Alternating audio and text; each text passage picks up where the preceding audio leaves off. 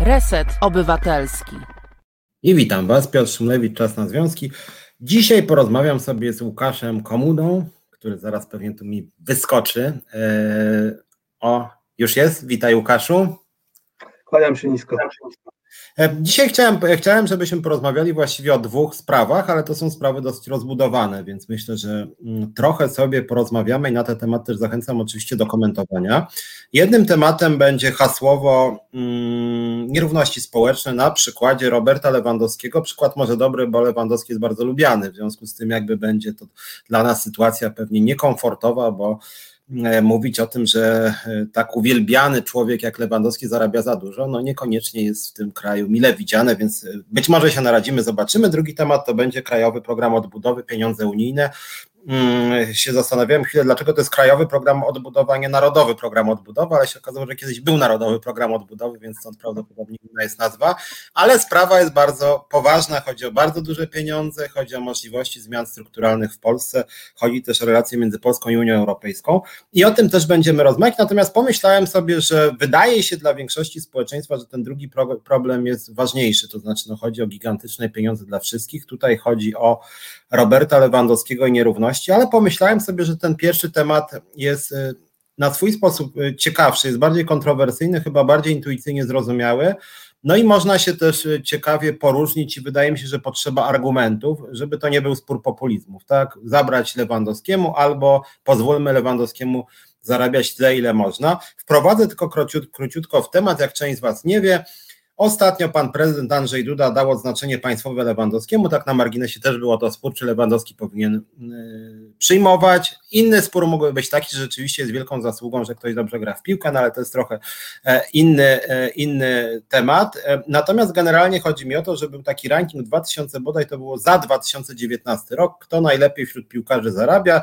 Pierwsze miejsce miał niejaki Messi, 130 milionów euro w ciągu roku, czyli tam 550 milionów złotych.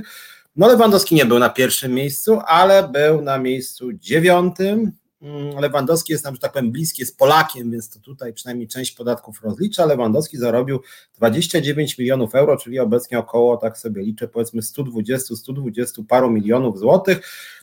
Jak sobie wyliczyłem, 43 tysiące prawie płac minimalnych, e, czyli 3571 e, rocznych wynagrodzeń strasznie dużo, no ale generalnie najbardziej można powiedzieć zrozumiałe skrótowo 10 milionów miesięcznie.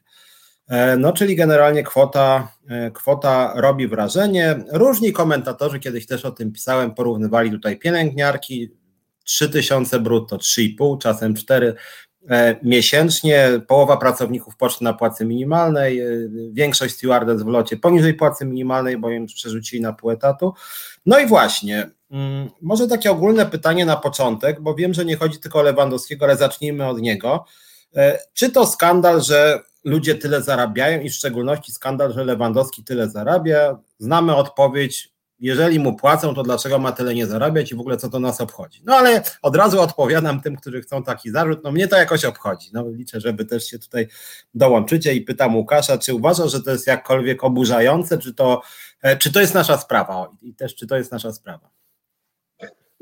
To jest nasza sprawa, dlatego że e, jeżeli myślimy o tym, że jesteśmy jakąś wspólnotą, jakimś narodem, jakimś, jakimś państwem, jesteśmy współobywatelami, e, to, to nie jest nam kompletnie obojętne, e, jak wyglądają, jak wygląda ta struktura dochodów, jak one się rozkładają, te dochody z, z pracy, ale też w ogóle dochody jako takie. E, I e, myślę, że to nie jest e, tak bardzo oburzający sam fakt, że, że są tacy ludzie jak Robert Lewandowski czy, czy inne osoby, które niekoniecznie w sporcie zarabiają zawrotne kwoty. Myślę, że to powinniśmy zestawiać i kontrastować z tym, że w Polsce jest są setki tysięcy ludzi, którzy nawet pracując i często na, na pełnym etacie, nie są w stanie zapewnić podstawowych środków utrzymania dla swojej rodziny. To jest, to jest problemem. Problemem jest to, że są osoby, które przy tym, można powiedzieć, nadmiarze, jaki mamy, jakbyśmy sumowali e, te wszystkie dobra, te, te, te wszystkie dochody całego naszego społeczeństwa, mamy w, w naszym, w nasz, wśród naszych współobywateli osoby, które którym nie starcza do pierwszego, które, e, które muszą się decydować, czy, czy, czy chleb, czy raczej rachunek za prąd. To jest, to jest ogromny problem. Więc gdybyśmy mieli, gdybyśmy mieli wszystkie te potrzeby podstawowe zapewnione w całym naszym społeczeństwie, ja myślę, że to nie stanowiłoby jakiegoś wielkiego oburzenia czy jakiegoś wielkiego problemu, że są osoby wynagradzane z tych czy innych powodów nad wyraz wysoko. E, to jest jakby jeden, e, jedna, jeden kąt, w jakim możemy e, na to popatrzeć, a drugi kąt to jest taki, zastanówmy się, czy jesteśmy w stanie tworzyć realnie wspólnotę, jeżeli pośród nas są osoby, które de facto nie współdzielą żadnych doświadczeń zresztą obywateli. To jest na przykład pytanie, które moglibyśmy bardziej odnosić nawet do, dajmy na to, posłów czy ministrów, niż do piłkarzy e, z najlepszych drużyn. E, e, bo wraca ten temat jak echo bez, w kółko i w kółko, ile powinni zarabiać posłowie, czy zarabiają za dużo, czy zarabiają za mało. Wszystko zależy do czego porównywać. Ja osobiście uważam, że, że jeśli chodzi o parlamentarzystów, to chciałbym, żeby parlamentarzyści dzielili z, ze mną te same przychodnie, żeby posyłali dzieci do takich samych szkół jak moi moi sąsiedzi, bo ja sam dzieci nie mam, ale, ale mam sąsiadów, którzy mają dzieci e, i którzy doświadczają na przykład tych samych problemów typu e, e, nie wiem, niesprawna komunikacja publiczna i tak dalej, i tak dalej, bo inaczej mamy grupę osób, które są naszymi, naszymi delegatami i które de facto nie uczestniczą w tym życiu, nie doświadczają na własnej skórze, jak to jest.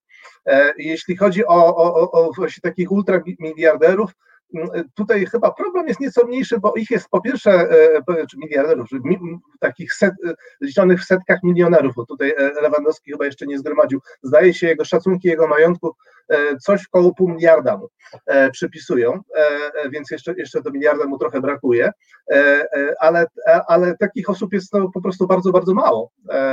W tych osób skrajnie zamożnych w Polsce to, to jest pewnie kilkaset albo kilka tysięcy osób, które można byłoby takich ultra bogatych zaliczyć, e, e, więc to nie tworzy takiego, takiego bardzo e, poważnego rozdziału, ale jest to temat do, do dyskusji.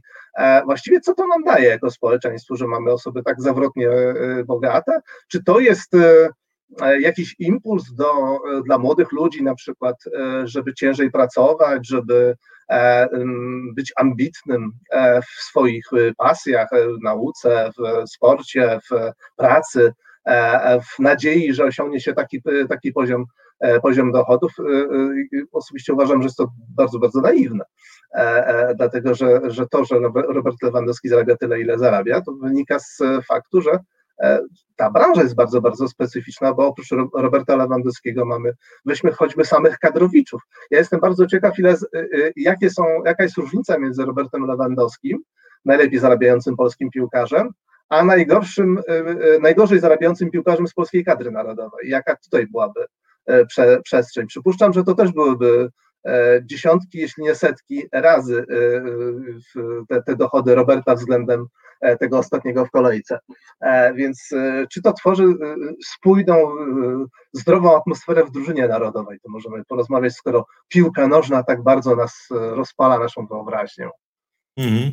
Głosy od naszych widzów. Margo Bille, trzeba przyznać, że przed Lewandowskim byli już w starożytnym Rzymie woźnica wyścigów, niejaki Dioles był miliarderem, 15 miliardów dolarów zarobił.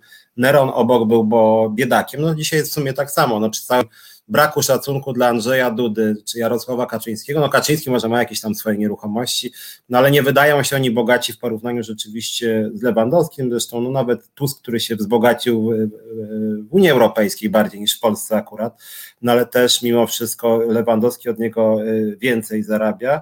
Piotr Gielniowski, sorry, ale Lewy może mieć inne przychody, bo mieszka zupełnie gdzie indziej. Y, y, ciekawość to jest głębsza refleksja nad tym, czy jako gatunek powinniśmy się nazywać człowiek rozumny, czy bardziej człowiek emocjonalny, a zarobki sportowców są tego przykładem. I jeszcze problemem jest wysokość zarobków w Unii Europejskiej. Piłka to tylko taki smaczek. To znaczy, dla mnie kluczowe jest co innego właściwie. To znaczy, jedna kwestia jest taka, że kiedyś to sobie sprawdzałem i generalnie kiedyś tam, jak był jeszcze Pele na przykład słynny, później Diego Maradona słynny, Pele zarabiał radykalnie mniej niż Lewandowski. Maradona też zarabiał mniej z tego co pamiętam. No i generalnie coś takiego się zdarzyło, że niezależnie od talentów piłkarzy ich zarobki strasznie wzrosły, tak? I dzisiaj przy całym szacunku dla Lewandowskiego czy Messiego nie wiem, jedni uważają, że lepszy od Maradony czy Pelego, drudzy, że gorszy, no ale powiedzmy ta sama górna półka. No i kiedyś ten Pele zarabiał, nie wiem, 500 razy mniej i dzisiaj jego odpowiednik, biorąc pod uwagę zmiany cen, nawet zarabia 500 razy więcej. To nie są zasługi piłkarzy, tak? Więc jakby tu uspokajam, nie wyżywam się na Lewandowskim, natomiast rzeczywiście ten system, coś takiego się stało, że ci ludzie zarabiają, bo Lewandowski jakby słuchał naszego programu, by powiedzieć, no dobra, no zarabiam, ale to, że tak powiem, nie moja wina. E, no i właśnie, jak to jest? Skąd, skąd, skąd się to tak w ogóle wzięło, że oni tak strasznie dużo zarabiają? I drugie pytanie, czy to by było tak, e, że gdyby oni zarabiali mniej, to te pieniądze mogłyby być jakoś lepiej wykorzystane, że oni na przykład w domyśle komuś zabierają?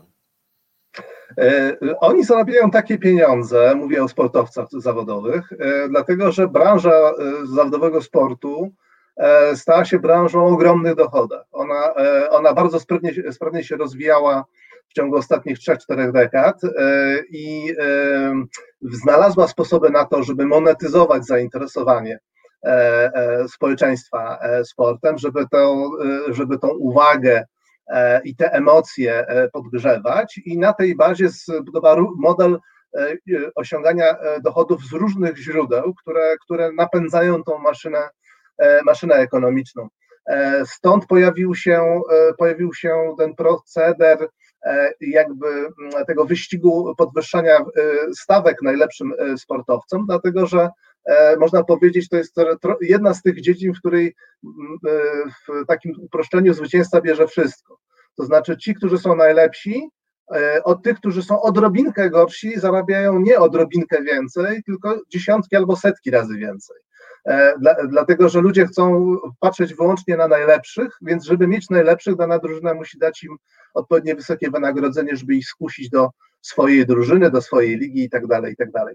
E, więc, e, więc ten, ten proces takiego właśnie takiej komercjalizacji sportu dał nam właśnie tą przestrzeń, te zarobki, które bardzo słusznie sportowcy zaczęli e, e, odbierać menadżerom i ludziom, którzy organizują cały ten sport i e, zdobywać sobie większe wynagrodzenie, bo trzeba pamiętać, że jeszcze, jeszcze nie, tak, nie tak dawno, właśnie kiedy ten sport zaczynał się rozkręcać, to sportowcy zarabiali nieporównywalnie mniej niż ci, którzy pociągali za te wszystkie sznurki. Ci wszyscy prezesi E, e, UEFA, FIFA, różnych organizacji, e, ci, którzy dzielą prawa transmisji poszczególnych walk bokserskich i tak dalej, i tak.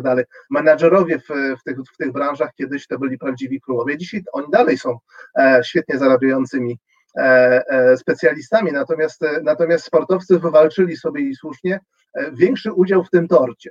E, e, to jest obserwowane w wielu branżach, w których dochodzi do, e, do takiego właśnie boomu. Proszę zwrócić uwagę na to, co się dzieje na przykład w branży rozrywkowej, gdzie na przykład w Stanach Zjednoczonych były strajki scenarzystów, tak? Scenarzyści, bez których nie mielibyśmy filmów i seriali, zorientowali się, że w tej całej machinie, która generuje dziesiątki miliardów dolarów przychodów, oni mają zaskakująco mały e, udział, wręcz śmieszny można powiedzieć udział i są tak trochę takim na samym końcu tego łańcuszka dochodów, a bez ich, bez ich talentu no, aktorzy nie mieliby co grać, krótko mówiąc. Więc oni też słusznie zaczęli zabiegać o to, żeby zwiększyć swój udział. Więc wszędzie tam, gdzie pojawiają się coraz większe pieniądze, w te osoby, które przyciągają największą uwagę, które e, służą temu, żeby ta maszyna się kręciła jak najszybciej, e, mają siłę negocjacyjną i tą siłę negocjacyjną wykorzystują. Więc e, ja tak samo nie mam żadnych pretensji do Roberta Lewandowskiego, że zarabia tyle, ile zarabia. Powinien tak samo targować się jak każdy inny pracownik, starając się wykorzystać swoje atuty w negocjacji z pracodawcą. Natomiast no, rozmawiamy tutaj jakby w takim szerszym kontekście społecznym, czyli mm, Możemy tutaj sprowadzić tą też dyskusję do takiego poziomu, e, jaka praca jest użyteczna społecznie, a jaka nie.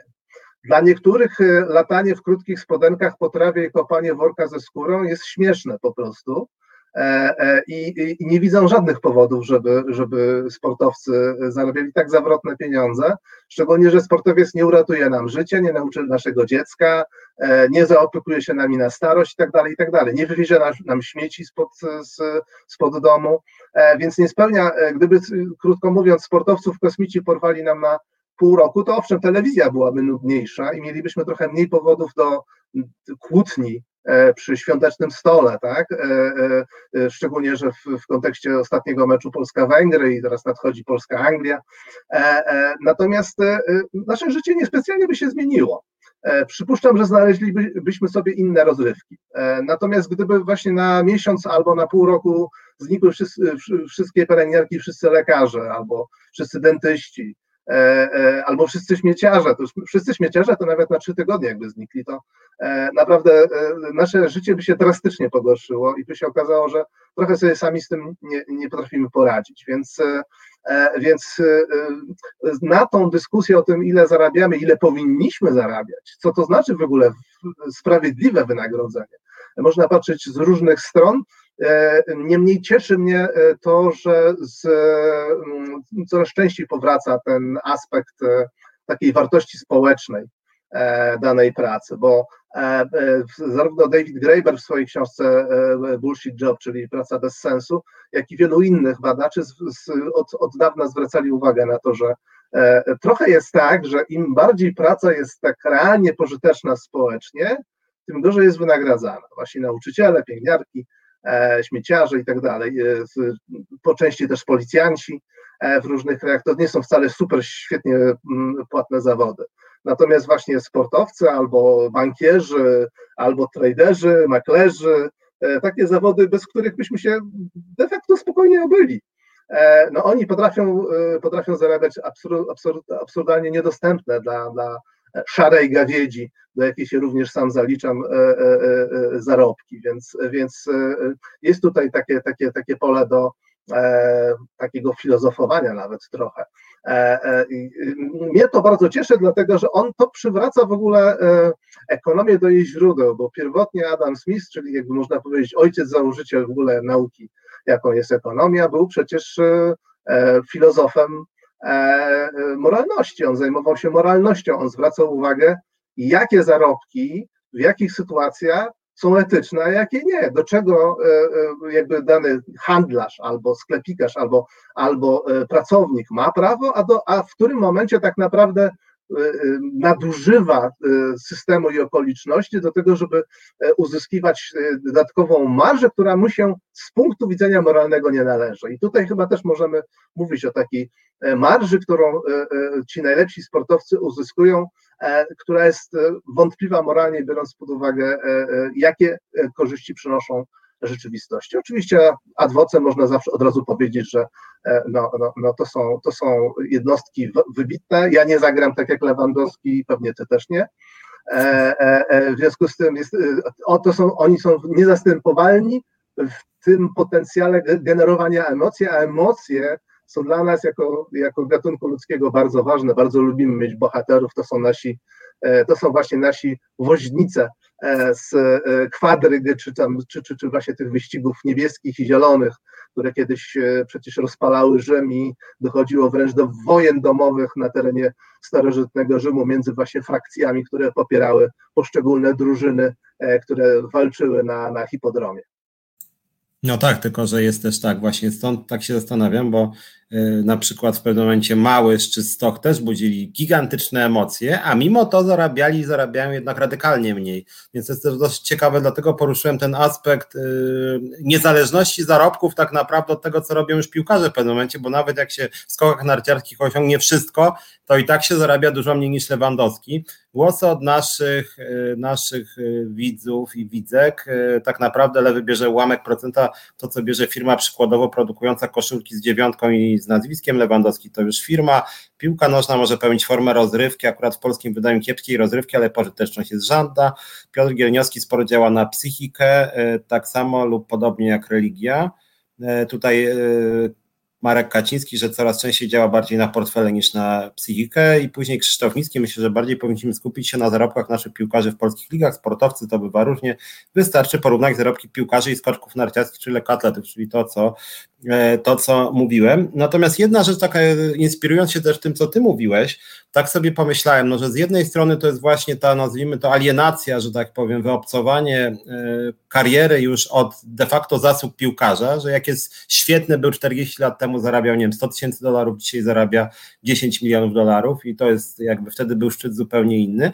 Ale jeszcze jeden mi wątek wpadł do głowy, tutaj co pan pisał o tych y, reklamach z koszulką i to, co ty mówiłeś o tym demoralizującym y, wpływie tego, że Lewandowski zarabia 10 milionów, a nie wiem, Krzynówek czy tam jakiś inny zarabia powiedzmy 100 razy mniej, czy, czy 50 razy mniej.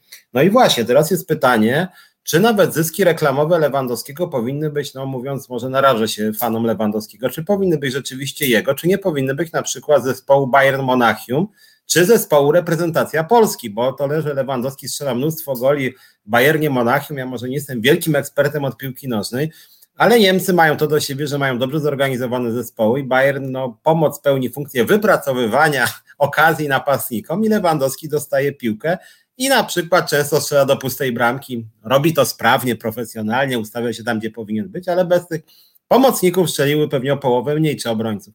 W związku z tym, no to też wydaje mi się, że jest taki indywidualizm w karierach piłkarskich, y, który moim zdaniem też nie służy, jakby nie było sportowi, który jest zespołowy. Tak, to nie jest, nawet skoki narciarskie są bardziej indywidualne mimo wszystko, to jest też drużynówka, no ale to jest mniej, mniej o niej się mówi, natomiast tutaj to jest zespołowe, więc teraz jest pytanie, czy rzeczywiście jest tak, że powinny być aż tak zindywidualizowane te kontrakty, że Lewandowski strzeli 40 bramek, tak, 38 wypracowanych przez kolegów z drużyny, no a jakby całość puli dla siebie bierze, jest gwiazdorem, tak, to może budzić wątpliwości w sumie.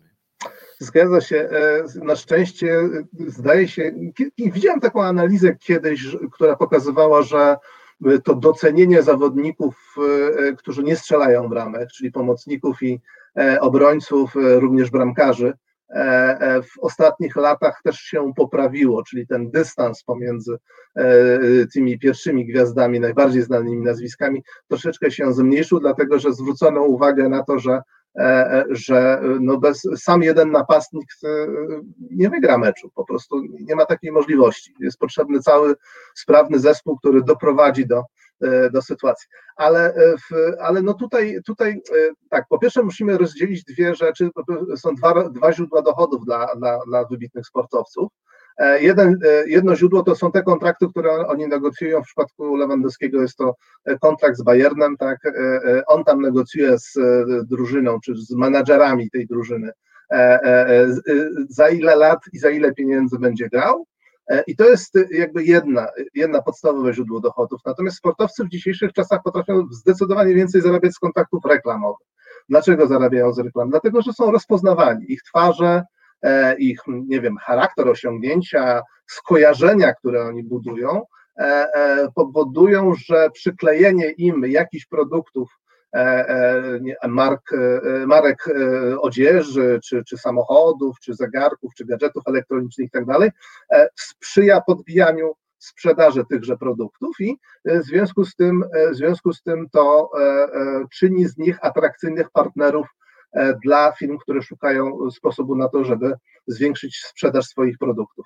E, I, i, I, to jest trochę co innego, dlatego że zwróćmy uwagę, że taki sam potencjał, przynajmniej teoretycznie, e, do reklamowania produktu może być, mieć tak zwany celebryta, czyli osoba, która de facto nie zna się na niczym i niczego nie potrafi z jakiegoś powodu trochę czasami niezrozumiałego ta osoba jest znana. To czasami wynikało z jakiegoś skandalizującego nie wiem, zachowania, słynne, e, słynne początki wielkich, największych gwiazd celebrytów współczesnego świata, to, to bardzo często były sekstaśmy. E, e, czyli robimy coś, coś, coś bardzo takiego szokującego publikę, zwracamy na siebie uwagę, a jak już mamy tą uwagę, to staramy się budować swoją markę i już odsuwać się od tego, od tego pierwszego szoku i, i, i przekuwać to zainteresowanie na, na właśnie kontrakty reklamowe, stopniowo, stopniowo budując wizerunek, który nie będzie się kojarzył z szokowaniem i z zaskakiwaniem naszych mocodawców, w sensie firm, które zlecają nam przygotowanie reklam.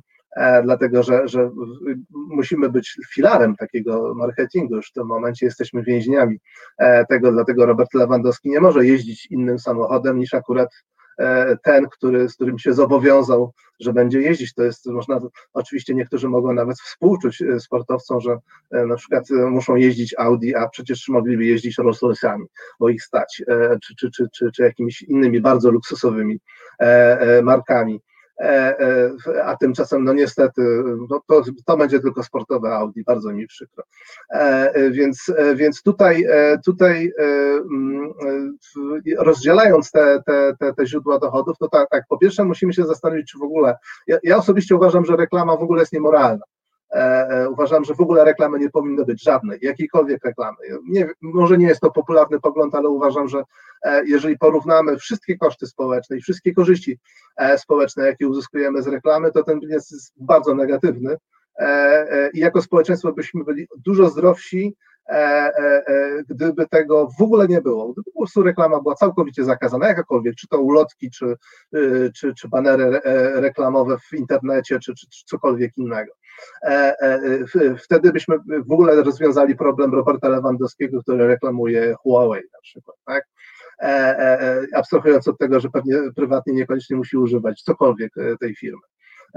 Natomiast, natomiast druga strona medalu to są właśnie te dochody z, ze sportu i to, co powiedziałeś wcześniej, czyli ta różnica pomiędzy poszczególnymi dyscyplinami sportowymi, to, że w niektórych dyscyplinach sportowców właściwie biedują, e, e, bo niektóre dyscypliny, e, nawet olimpijskie, są po prostu ma mało skomercjalizowane. Z różnych powodów one mogą być trudne do komercjalizacji, mało widowiskowe.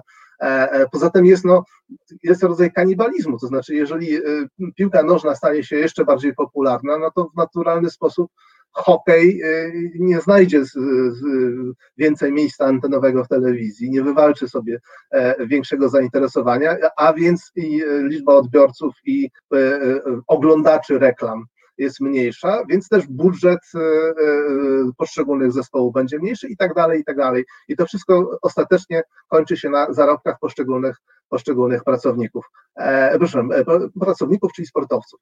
E, e, zobaczmy na przykład, mamy świetnych szybowników w Polsce, no jest to totalnie niewidowiskowa dyscyplina, w gruncie rzeczy hobbystyczna. E, trzeba mieć, trzeba mieć sporo pieniędzy, żeby się tym zajmować. Kartingi, czy te wyścigi właśnie różnego rodzaju takich, takie, które poprzedzają, są taką ścieżką, którą kiedyś podążał Robert Kubica.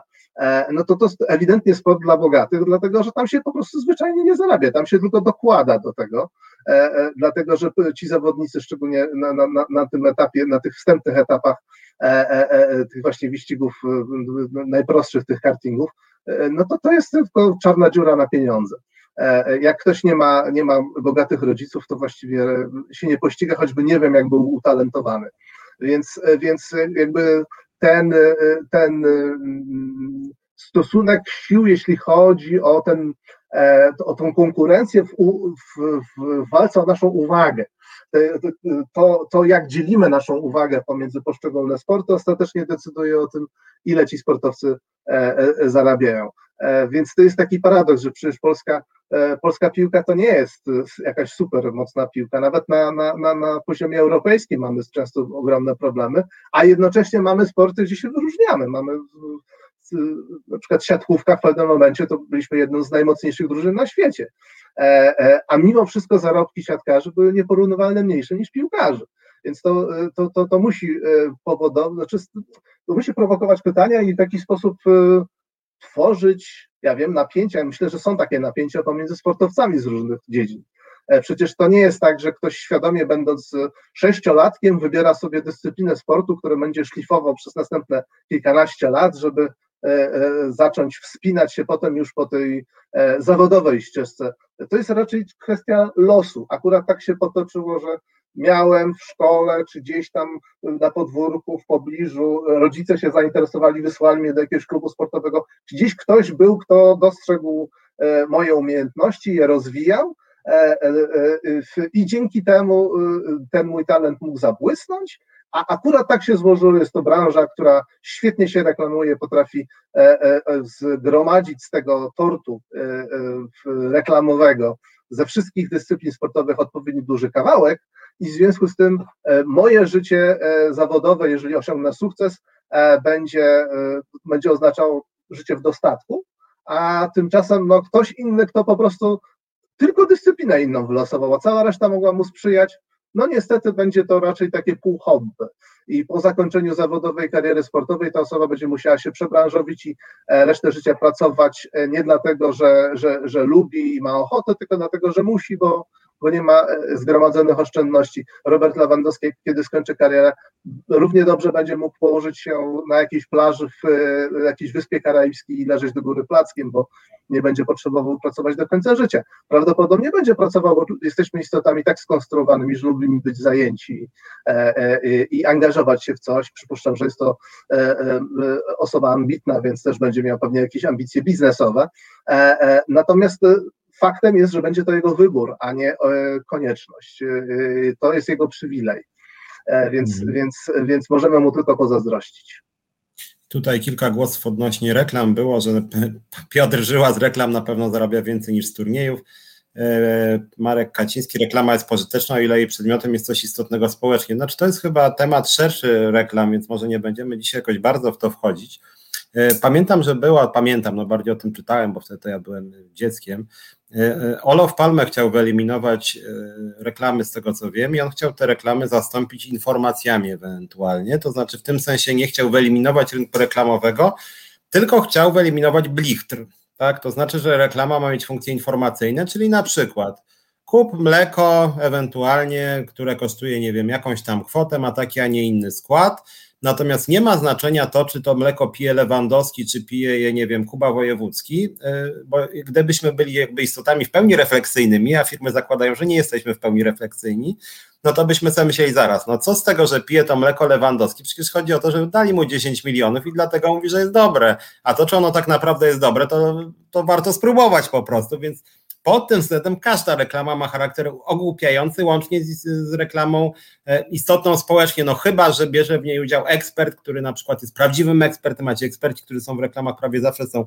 oszukiwanymi ekspertami, czy pseudoekspertami, czy po prostu nieekspertami, więc wydaje mi się, że faktycznie tutaj sama logika e, reklamy jest nastawiona na ogłupienie, bo służy zyskowi, a nie informowaniu nas, czy dany produkt jest dobry, czy zły, więc po tym się z Tobą zgadzam, nie wiem czy eliminować całkowicie, natomiast to na przykład, że dzisiaj e, są reklamy e, leków czy suplementów, to jest dla mnie po prostu skandal i to powinny być potężne kary moim zdaniem i w ogóle to totalnie powinno być zakazane, bo e, z tego co widzimy w mediach wynika, że de facto koronawirusa można co najmniej 15 lekami, w tym 10 syropami uleczyć, jakbyśmy tak literalnie słuchali tego, co słyszymy. I to jest po prostu niebezpieczne są tu jeszcze głosy o tym, o tenisie, że możemy się pochwalić e, różnymi sukcesami, chociaż akurat tutaj zarobki rzeczywiście są dosyć wysokie. Katarzyna Giek pisze o sukcesach szpadistek wioślarzy, no i to rzeczywiście tutaj te dochody są chyba tysiące razy niższe, a niekiedy ledwo co pozwalają przeżyć. No, mistrz olimpijski poradzi sobie, no ale już generalnie, żeby osiągnąć jakąś pozycję, to,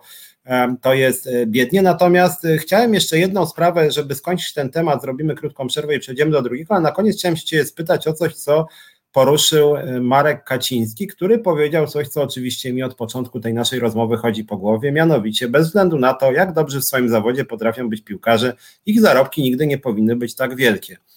E, no i właśnie, i to jest właściwie coś, od czego trochę wyszliśmy. E, czy uważasz, że można wprowadzić jakieś regulacje, które pozwoliłyby efektywnie zmniejszyć nierówności dochodowe i czy to ma sens, to znaczy, czy to ma sens nie w tym sensie, że, że, to jest słuszne, bo jak pewnie Państwo wyczuli, naszym zdaniem obydwojga jest to słuszne, tylko czy to będzie skuteczne, tak? To znaczy, czy jest taki instrument, który pozwoliłby w jakiejś mierze no, sprawić, że ten Lewandowski by zarabiał nie 120 milionów rocznie, tylko na przykład 12, też nie byłby biedny i też byłyby bardzo docenione jego talenty kopania piłki, a mimo to pozostałe 108 milionów mogłoby być przeznaczone, nie chcę być populistą, ale nawet ma walkę z ubóstwem na świecie, poprawą infrastruktury w Niemczech, o ile w Niemczech płaci i opieką zdrowotną w Polsce, o ile w Polsce. E, no faktycznie, no, do, do, tego, żeby, mm, znaczy tro, trochę sobie nie, nie, widzę potrzeby i nie wyobrażam sobie y, takiego sztucznego narzucania na przykład jakiegoś pułapu czy limitu e, zarobków. E, to chyba, to chyba było na różne sposoby analizowane, testowane.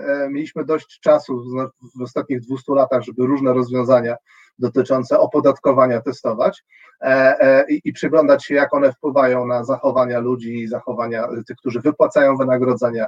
E, I, i, i dochodzimy do, do wniosku, że po prostu zwyczajny, ordynarny, można powiedzieć, system progresywnych podatków załatwia, załatwia tutaj sprawę. To znaczy, no, możesz zarabiać więcej, no ale będziesz płacił, im, im bardziej astronomiczne to będą zarobki, tym bardziej będziemy się zbliżali do załóżmy, nie wiem, 50, 70, 90% podatku od e, zarobków powyżej pewnego pułapu.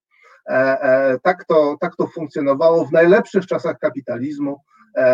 Od lat 50. do lat 70. mieliśmy mniej więcej w większości krajów rozwiniętych ustawianych za wzór, jeśli chodzi o dynamikę wzrostu gospodarczego, jeśli chodzi o prawa pracownicze, jeśli chodzi o tempo usuwania ubóstwa i rozwiązania wszystkich problemów społecznych, były to wszystko kraje, których były bardzo progresywne podatki z Stanami Zjednoczonymi na czele. E, które do, w pewnym momencie chyba doszły do, miały 92% dla najwyższych, e, najwyższych zarobków. E, tuż przed Reaganem chyba ta stawka najwyższa była nieco ponad 70%.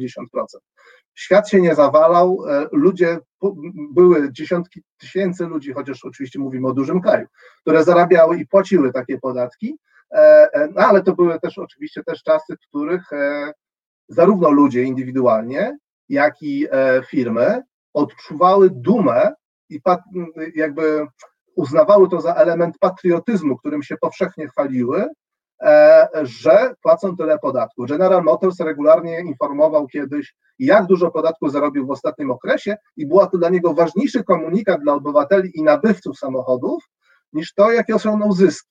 Dzisiaj się to odwróciło. Dzisiaj e, e, w, udało się w jakiś sposób zmienić ten sposób, sposób patrzenia obywateli, konsumentów na rzeczywistość że bardziej doceniamy właśnie e, e, zarobki czy osób indywidualnych, czy, czy mm, firm, niż to, w jaki sposób dzielą się one z nami wszystkimi.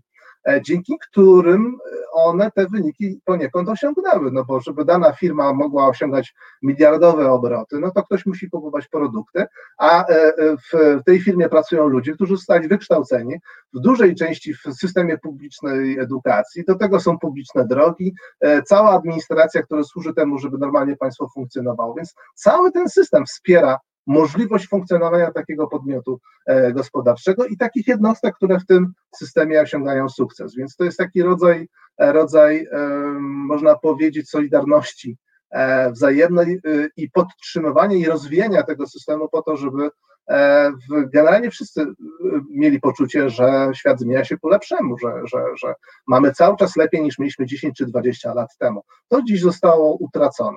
E, stąd też nie dziwię się młodym ludziom, którzy mają poczucie, że nie mają lepiej niż rodzice nie będą mieli lepiej niż rodzice, a ich dzieci będą miały jeszcze gorzej. Taka puenta smutna. Smut, smutna puenta. Znaczy, jak chodzi o Lewandowskiego, to jeszcze to, co mówiłeś, o ile by reklamy przetrwały, a nie byśmy je likwidowali, to myślę, że warto by wprowadzić jakieś opodatkowanie od przychodów z reklam, tylko to rzeczywiście, jak chodzi o Lewandowskiego, to by podpadało pod podatek dochodowy. Natomiast w przypadku Lewandowskiego pewnie jeszcze podatki od majątku odgrywały dużą rolę, no bo jeżeli ma pół, pół, pół miliarda, szacuje się, no to można by na różne sposoby konstruować, ale też opodatkowanie majątku w Polsce no, nie należy do najwyższych, w ogóle jakby o tym się nie mówi to nie jest przedmiotem debaty publicznej, właśnie nawet z lewej strony jakoś tak specjalnie, to jest mało mowy. Ale zaczyna być, ale zaczyna być i to jest e, moim zdaniem też odczytuję to bardzo, bardzo pozytywnie. W jakiś sposób chyba trzeba było dość długo czekać na to, żeby do Polaków dotarło, że 90% z nas ma właściwie majątek równy mieszkanie i, i koniec. Może stary samochód, tak? I to jest właściwie dla większości z nas jedyne y, sensowne, wartościowe, istotne składniki majątku. Natomiast y, y, te 10% ma całą resztę, to znaczy całą ziemię, wszystkie udziały w firmach i tak dalej, i tak dalej, i tak dalej. Więc ta, ta, ta, ta, ta, ta nierówność jest spora I byłoby na rzeczy coś z tym, żeby pojawiły się podatki, które od pewnego pułapu tego majątku zaczynają uzupełniać nam budżet po to, żeby nie obciążać tym wyższymi podatkami, a chcemy mieć lepsze państwo, więc potrzebujemy więcej dochodów w budżecie, żeby nie obciążać pracy. No bo jeżeli mamy do, do wyboru, czy, czy po jednej stronie jeszcze bardziej obciążyć pracę, czyli w pewnym sensie karać ludzi za to, że pracują, pracują więcej, pracują sprawniej, lepiej negocjują swoje warunki pracy, czy może lepiej obciążyć, obciążyć podatkami ten kapitał, który bardzo często jest kapitałem nieproduktywnym. To jest po prostu składnik zwyczajnie majątku. To jest trzeci dom, albo jachta, albo cokolwiek, tak? E, e, e, to, to, to zaczynamy jako społeczeństwo się przekonywać, że chyba byłoby coś na rzeczy, żeby, żeby takie jachtowe w Polsce wprowadzić. Mhm. Ja proponuję, żebyśmy zrobili teraz krótką przerwę, a później porozmawiamy sobie o drugim naszym temacie, czyli krajowym programie odbudowy i tych funduszach unijnych, a podsumowaniem pierwszej naszej części będzie konstatacja Piotra Gielniowskiego, no dobra, piłka piłką, a zawody MMA, to dopiero bzdura, okładanie się po ryjach. No, znaczy ja tutaj też, to, to też temat rzeka, bo w pewnym momencie walki zawodowe bokserskie były zakazane w części krajów, na przykład Szwecji uważali, że to jest zbyt barbarzyńskie, więc to też jest jakby aspekt moralny sportu, dosyć ciekawa sprawa tak na marginesie, no rzeczywiście to MMA to już takie przedstawienie, no trudno zrozumieć osobom o pewnej wrażliwości. Ja zresztą nigdy nie rozumiałem faktycznie y, y, walk takich, y, jak to, jak to napisał Piotr, okładanie się po ryjach. No cóż, ale to też, jak to też powiedziałeś, emocje, te emocje są podkręcane na różnego rodzaju sposoby przez mass media, również przez różne koncerny, różne rodzaje edukacji przez mass media, nakręcanie też w kinie, no cały, że tak powiem, przemysł, że tak powiem, agresji. Dobra, zróbmy krótką przerwę i wracamy za chwilę i pogadamy sobie o krajowym programie odbudowy i czy rzeczywiście ta Unia nas uratuje, a może się sami uratujemy, a póki co krótka przerwa. Słuchasz Resetu Obywatelskiego. Reset Obywatelski działa dzięki Twojemu wsparciu. Znajdź nas na zrzutka.pl. I wracamy. Jesteśmy znowu. Łukasz Komuda jest ze mną, Piotr Szymlewicz. Rozmawialiśmy o zarobkach Lewandowskiego, ale szerzej rozmawialiśmy po prostu chyba o nierównościach, o tym, dlaczego jedni zarabiają miliony, a drudzy nie radzą sobie i nie postać ich na zaspokojenie podstawowych potrzeb. Jeszcze tutaj spór wybuchł u nas, czy lepszy jest futbol czy MMA, bo Pan Marek napisał, że e, nie jest fanem MMA, ale ma zdecydowanie więcej sensu niż kilkunastu dorosłych facetów latających w tej z powrotem za piłką. Nie będziemy, nie będziemy tego sporu rozstrzygać. To niektórzy lubią skoki. Ktoś mógłby powiedzieć, jaki to sens ma, że jakiś facet zjeżdża w dół i później się odbija i gdzieś tam leci na nartach. No generalnie każdy sport można w ten sposób ośmieszyć. No z jakichś przyczyn. Ludzie to lubią, mają prawo lubić, tak samo jak mają prawo lubić, że ktoś sobie śpiewa na przykład mm, albo jeszcze coś innego robi robi. E, tutaj nie będziemy wnikać, chociaż sam temat tego, jak są kształtowane gusta, oczywiście jest bardzo ciekawy. Ja dwie, dwie, dwie, krótkie uwagi. Jedna, jedna z sportów, które, które jeżeli już mamy śmierć albo krytykować e, e, sporty walki, które wiążą się z obrażeniami i tak dalej, ewentualnie mogą być takim źródłem agresji, chociaż niektórzy twierdzą, że one właśnie rozładowują agresję. E, e, to jestem, jestem zafascynowany ideą czegoś, co się nazywa chessboxing. To jest e, dyscyplina, w której się na przemian walczy w ringu boksersko i potem to, toczy, toczy się walkę na szachownicy. To znaczy jest rundka szachowa, 4 minuty w szachy, 3 minuty w ringu i tak na przemian. I można wygrać albo zaszachowując przeciwnika, albo na przykład poprzez knockout, a jeżeli nie, no to odpowiednio jest punktowane e, e, to, co się działo w czasie, w czasie rozgrywki. To to jest dla mnie, dla mnie no, fascynujące. Podobno, Nerwy podobno, na wody trzeba trzymać. Podobno y, dominują, bo są międzynarodowe zawody tego rodzaju i dominują tam y, ludzie z y, mundurowych służb, można powiedzieć, żołnierze i, i policjanci, co nie powinno zaskakiwać, bo trzeba zarówno być dobry w myśleniu logicznym, jak i, jak i mieć niezłą kondycję i odporność fizyczną. Natomiast, e, natomiast e, w, w, z tym, no faktycznie, to, to śmianie się z facetów w krótkich spodenkach można wprowadzić w przypadku niemalże każdego sportu, a już stroje na przykład zapaśników, to jest, czy, czy, te, czy jacyś, jakichś bobsleistów mogą rzeczywiście nas bardzo, bardzo śmieszyć. Natomiast pierwotnie proszę zwrócić uwagę, że w ogóle sport miał znaczenie militaryzacji i jednoczenia społeczeństwa. Z jednej strony jednoczyliśmy się jako mieszkańcy jakiegoś polis greckiego wokół naszego zawodnika, który tam jechał do Olimpii, żeby pokonać innego zawodnika z, polis, ale to były dyscypliny zbliżone do tego, co się działo w czasie wojny. E, więc, e, więc e, idea Pierre de Coubertin który wskrzesił ideę olimpijską, też służyła w gruncie rzeczy militaryzacji i przygotowaniu mas ludzkich do tego, żeby, żeby zmobilizowane w przypadku konfliktu zbrojnego były sprawne fizycznie i zdolne do tego, żeby zrobić jak największą krzywdę tym po drugiej stronie okopów. Więc można powiedzieć tak filozoficznie pierwotnie, no, ten sport jest taki zanieczyszczony, jeśli chodzi o, E, o to, czemu właściwie miało służyć. Ma nas antagonizować i ma nam e, dać zdrowie, ale nie dlatego, żebyśmy byli zdrowi jako tacy, to jest nowa idea, tylko żebyśmy właśnie skutecznie zabijali e, szwabów, dajmy na to, tak, czy tam Krauts, jak mawiają, mawiają Amerykanie na Niemców, no i w każdym innym języku jest oczywiście obraźliwe określenie przeciwnika. Ale przejdźmy do Krajowego Planu Odbudowy. Dokładnie. Jak znajdziemy chwilę, to jeszcze, no to tu Robert Jakub pyta, od, jakiego poziomu należy zastosować wyższe podatki. Pozwól Robercie Jakubie, że do tego wrócimy e, pod koniec naszej rozmowy, bo chcieliśmy później porozmawiać o e, nowym ładzie, który PiS miał zaproponować. Jeszcze nie zaproponował, ale ponoć tam jakiś wzrost progresji ma być, więc do tego za chwileczkę wrócimy. Natomiast zacznijmy może od, teraz przejdźmy do Krajowego Programu Odbudowy. To jest coś, co bardzo abstrakcyjnie dla wielu z Państwa pewnie brzmi. Ja ten program program przejrzałem, trochę przeczytałem, to jest dosyć długie. E, natomiast generalnie zacząć chciałbym od tego wymiaru unijnego, bo zaraz o tym, na co te pieniądze warto wykorzystać, no ale generalnie rzecz biorąc, e, cała sprawa wzięła się stąd, że Unia Europejska postanowiła bronić się przed epidemią koronawirusa, wygenerowała e, jakieś tam pieniądze, wartość to jest, się nazywa instrument odbudowy zwiększenia odporności, wartość instrumentu 750 miliardów euro.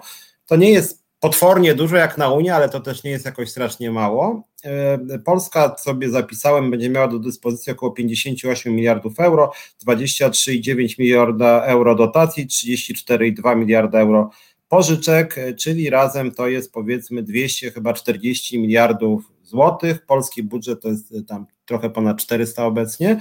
No czyli nie jest to strasznie dużo, ale jest dużo jednak. No, robi wrażenie pół budżetu ponad. No właśnie, jak oceniasz ten poziom unijny? Więc może zacznijmy właśnie od tego, jak oceniasz ten instrument, jego wielkość, jego rozmach, jego deklarowane przeznaczenie i w ogóle jak, jak oceniasz reakcję Unii Europejskiej na ten kryzys, tą tragedię koronawirusową? Znaczy ja cieszę się, że w ogóle jest, e, że jest taka wprost reakcja e, i tworzenie takiego E, może nie najbardziej imponującego programu, jaki można było sobie wyobrazić, biorąc pod uwagę okoliczności, ale, ale jednak e, e, istotnego z punktu widzenia budżetów poszczególnych, poszczególnych państw. To, to cieszy. Trzeba pamiętać, że te poprzednie, poprzednie kryzysy, które mieliśmy w, od momentu, kiedy weszliśmy do Unii Europejskiej, to były raczej to była raczej modyfikacja, modyfikacja ogólnych dokumentów strategicznych E, Unii Europejskiej i pojedyncze programy, tak jak w ostatnim kryzysie finansowym, to były oczywiście operacje na, na rynkach finansowych. E, nie było takiego programu, który by e, wprost wspierał gospodarki. Unia nie postanowiła się wtedy dodatkowo zadłużyć po to, żeby szybciej wyjść na prostą i wrócić do, do okresu E, wzrostu gospodarczego do pozytywnej koniunktury gospodarczej, więc to, to odczytuję na plus, bo to jest e, jakby dowód na to, że wracamy trochę do takiej filozofii, że e, zarówno na poziomie krajowym, bo widzieliśmy przecież też program nasz, te tarcze antykryzysowe można tak właśnie odczytać, jak i na poziomie unijnym wracamy do idei, że zadaniem rządu jest łagodzenie szoków, czyli łagodzenie tych spadków koniunktury. E, e, kiedyś, kiedyś w ogóle tak myślano o tym, e, że to jest jedno z podstawowych zadań, że mamy wygładzać te, jeżeli koniunktura jest taką falą, czyli są górki, są dołki, to idea była taka, że, że na górkach gromadzimy rezerwy, a wydajemy je w dołkach po to, żeby wygładzić ten, ten rytm, dlatego że on wiąże się z określonymi kosztami społecznymi, dlatego że na określoną ilość czasu niektóre osoby wypadają z rynku pracy, a jak ktoś wypadnie na dwa lata, to bardzo trudno mu wrócić do, e, do pracy. Pewne rzeczy e, zostają utracone, pewne kompetencje, jakaś dyscyplina poczucie własnej wartości zostaje zmniejszone i tak dalej. Jest bardzo dużo kosztów, które są ukryte, ale które tak naprawdę obniżają jakość życia i obniżają można powiedzieć, wartość tej, nawet z punktu widzenia pracodawców, osób, które zostały dotknięte takimi problemami. Więc, więc to jest jakaś próba przeciwdziałania temu, temu, temu zjawisku. E, w, e, w, więc od tej strony widzę to jak najbardziej pozytywnie. Jeśli chodzi o, jeśli chodzi o to, jak to zostało podzielone, to dla mnie jest y, troszeczkę y, czarna magia, ale to tak często jest z, budżetem, z budżetami, tak, tak, tak potężnymi programami. Tam jest po prostu na wszystkich możliwych polach działanie. Zresztą jak popatrzymy na e, dokumenty opublikowane na stronach rządowych, jeśli chodzi o ten krajowy e, plan odbudowy i zwiększenia odporności, bo tak się oficjalnie nazywa ten dokument, który jest oczywiście w trakcie jeszcze konsultowania, e, to, no to są dziesiątki stron y, i y, tych instrumentów i tych celów tam są dziesiątki. E, i właściwie dotyczy całej gospodarki, całej y, polityki państwa, bo to jest na każdym możliwym obszarze, łącznie z jakąś skutecznością zarządzania w ogóle administracyjną państwa, e, e, właściwie każdy, każdy obszar zostaje dotknięty, więc z, trudno, znaczy nie, nie będę udawał, że znam się na każdej dziedzinie, jeśli chodzi o politykę państwa, więc zwróciłem uwagę na to, na czym się znam lepiej i czyli na obszar rynku pracy. E, I w tym programie, który, który jak wspomniałeś, ma kosztować 58 miliardów euro, znalazłem takie instrumenty, które mają wpłynąć na ten rynek pracy, ale nie pośrednio i nie od strony pracodawców, ale wpłynąć na nas, na naszą większość, dlatego że większość nas, Polaków, nie jest pracodawcami, jesteśmy pracownikami, jest nas 10 razy więcej niż pracodawców, więc e, z naszego punktu widzenia powinniśmy e, przynajmniej mieć prawo na, na ten program spojrzeć. Jakie instrumenty tam mamy? No mamy po pierwsze 587 e, milionów euro na branżowe centra umiejętności, to jest jakby mm, takie prze, przeorganizowanie kształcenia zawodowego. Na pewno się przyda, dlatego że od lat mówimy o tym, że kształcenie zawodowe w Polsce kuleje, jest niedoinwestowane, jest źle zorganizowane, nie do końca trafia w oczekiwania pracodawców i tak dalej, i tak dalej. Więc e, e, przyjmując, że te pieniądze zostaną przynajmniej w połowie wydane z sensem, no to to jest sensowne, to, jest, to, to ma, ma, to, to ręce i nogi, trudno się temu sprzeciwiać. Kolejny, kolejny wydatek to jest na przykład doposażenie pracowników i firm do pracy zdalnej. 44 e, e, miliony euro. Bardzo mało w sumie, jak na, jak na skalę naszego rynku pracy, e, więc zastanawiam się, zastanawiam się, no to, to skoro mało, to może nie, nie warto temu poświęcać czasu. Zwróciłbym tylko uwagę, że mówimy o uprzywilejowanej grupie pracowników, bo około 20, 15 do 20% polskich pracowników jest w stanie pracować zdalnie. Zwykle są to, częściej są to osoby lepiej zarabiające, częściej są to osoby, które nie cierpią na trudne warunki pracy i tak dalej, i tak dalej, więc jest tu taki jakiś poziom niesprawiedliwości, ale ze względu na to, że jest to skromna kwota, e, mm, zostawmy to e, na boku. E, następna rzecz, rzecz, o której też się bardzo wiele mówi w kontekście rynku pracy, czyli od lat narzekamy na urzędy pracy, na to, że one nie do końca spełniają swoją rolę i tak dalej, więc pojawia się hasło reformy instytucji publicznych służb zatrudnienia i kwota 478 milionów euro. E, która ma za tym iść. Tro, trochę e, jeszcze enigmatycznie brzmią te zapisy, które mówią, co właściwie ma tam być dokładnie zreformowane, czy mają być nowe instrumenty, czy ma być w ogóle przeorganizowana sieć urzędów pracy, czy, czy będą dodatkowe. Raczej nie sądzę, żeby w tej kwocie można było myśleć o dodatkowych etatach, a tu będzie. Obawiam się tego, że to, e, że to będzie tak jak w przypadku bardzo wielu różnych reform i zmian, E, e, zostawienie dotychczasowego profilu działania urzędów i dołożenie dodatkowych obowiązków. Czyli pojawią się dodatkowe programy, projekty, instrumenty, e, bez dodatkowych ludzi, bez doposażenia tych ludzi w środki na to, żeby, to, żeby te usługi świadczyć. Obym się mylił, oby się okazało, że, że faktycznie te środki pójdą też wprost na E, na te instrumenty i być może na dodatkowe e, e, etaty, dlatego że nasz rynek pracy jest bardzo nierównomiernie rozłożony, jeśli chodzi, znaczy, mamy tak naprawdę 380 rynków pracy powiatowych po prostu. Są świetne rynki, na których tak naprawdę niewiele trzeba, te urzędy mają niewiele, niewiele do, do, do zrobienia, bo jest niewielu bezrobotnych zarejestrowanych i dość dużo nowych miejsc pracy i tak dalej, i tak dalej, więc tam ta aktywność tego urzędu jest nie jest potrzebna e, tak bardzo jak w miejscach, gdzie te, problemy są bardzo, bardzo głębokie i, i wielowarstwowe. E, więc, e, więc gdyby te pieniądze właśnie rozdzielić z takim priorytetem, żeby trafiały tam, gdzie ta sytuacja na rynku pracy wymaga najkosztowniejszych, największych interwencji, największego wsparcia, przyniosłoby to najlepsze rezultaty. Przy okazji tam też się pojawia dopisana chyba na szybko, na kolanie E, e, że w tej kwocie są też inwestycje e, w, w przedsiębiorstwa ekonomii społecznej. Ekonomia społeczna jest to idea bardzo mi bliska. Są te podmioty gospodarcze, które oprócz celów ekonomicznych stawiają też cele społeczne, na przykład zatrudniają pewne grupy pracowników, które na prywatnym rynku, na, na otwartym rynku pracy E, mają ogromne problemy ze znalezieniem zatrudnienia z różnych powodów, bo na przykład jest to matka z wieloma dziećmi i potrzebuje pracować w określonych godzinach, e, które nie pasują większości e, lokalnych pracodawców, albo osoba z niepełnosprawnościami. Niby są różne instrumenty, które wspierają zatrudnienie osób niepełnosprawnych, ale jakoś to słabo działa w Polsce, więc cały czas powstają różnego rodzaju podmioty gospodarcze, które adresowane są de facto do zatrudnienia osób z niepełnosprawnościami, z ich szczególnymi e, potrzebami. Więc e, jestem bardzo ciekaw, ile faktycznie na, te, e, na tą ekonomię społeczną pójdzie. Dalej mamy trzy żłobki. Rzecz też wałkowana od wielu, wielu lat. Mamy w Polsce nawet nie tyle problem z bezrobociem, bo ostatnio to bezrobocie nam ładnie spadło do, do, do, do czasów pandemii, E, miał, tuż przed pandemią miało wartości rekordowo niskie, ale cały, czas, ale cały czas mamy wysoką bierność zawodową, o której się mówi dużo, dużo mniej, a biernych zawodowo mamy no, nieporównywalnie więcej w Polsce, bo licząc od 15 roku życia w górę, tak jak to liczy badanie aktywności ekonomicznej ludności, e, to bezrobotnych mieliśmy powiedzmy ostatnio, nawet dalej mamy około 500 tysięcy, a biernych zawodowych 13 milionów.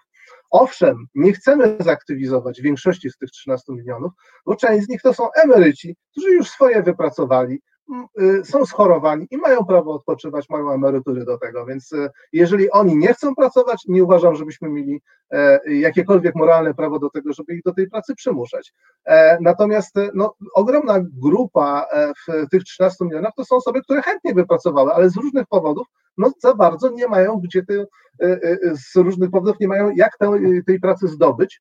E, czasami jest to kwestia tego, gdzie mieszkają, e, mają za daleko, nie mają transportu publicznego do miejsc pracy, które by wykorzystały ich kwalifikacje, ale bardzo często jest to na przykład kwestia braku żłobków i kobiety wypadają z rynku pracy, dlatego że muszą odchować dzieci, zarabiają zwykle mniej niż mężczyźni, niż ojcowie dzieci. W związku z tym tradycyjnym, e, tradycyjną koleją rzeczy mężczyzna dalej kontynuuje pracę zawodową, a kobieta zostaje w domu z dziećmi, co się potem przekłada na, e, e, na, na ten dystans, na tą lukę płacową, dlatego że nawet jeżeli ma podobny staż i podobne kwalifikacje co mężczyzna, to e, e, już sam fakt, że może stanowić dla pracodawcy ryzyko tego, że pójdzie wychowywać dzieci, e, albo że już te dzieci są odchowane, ale chorują i to ona będzie chodziła na urlop, żeby się opiekować chorymi dziećmi, sprawia, że są na przegranej pozycji w rywalizacji z mężczyznami. Oni zarabiają lepiej, szybciej awansują i tak dalej.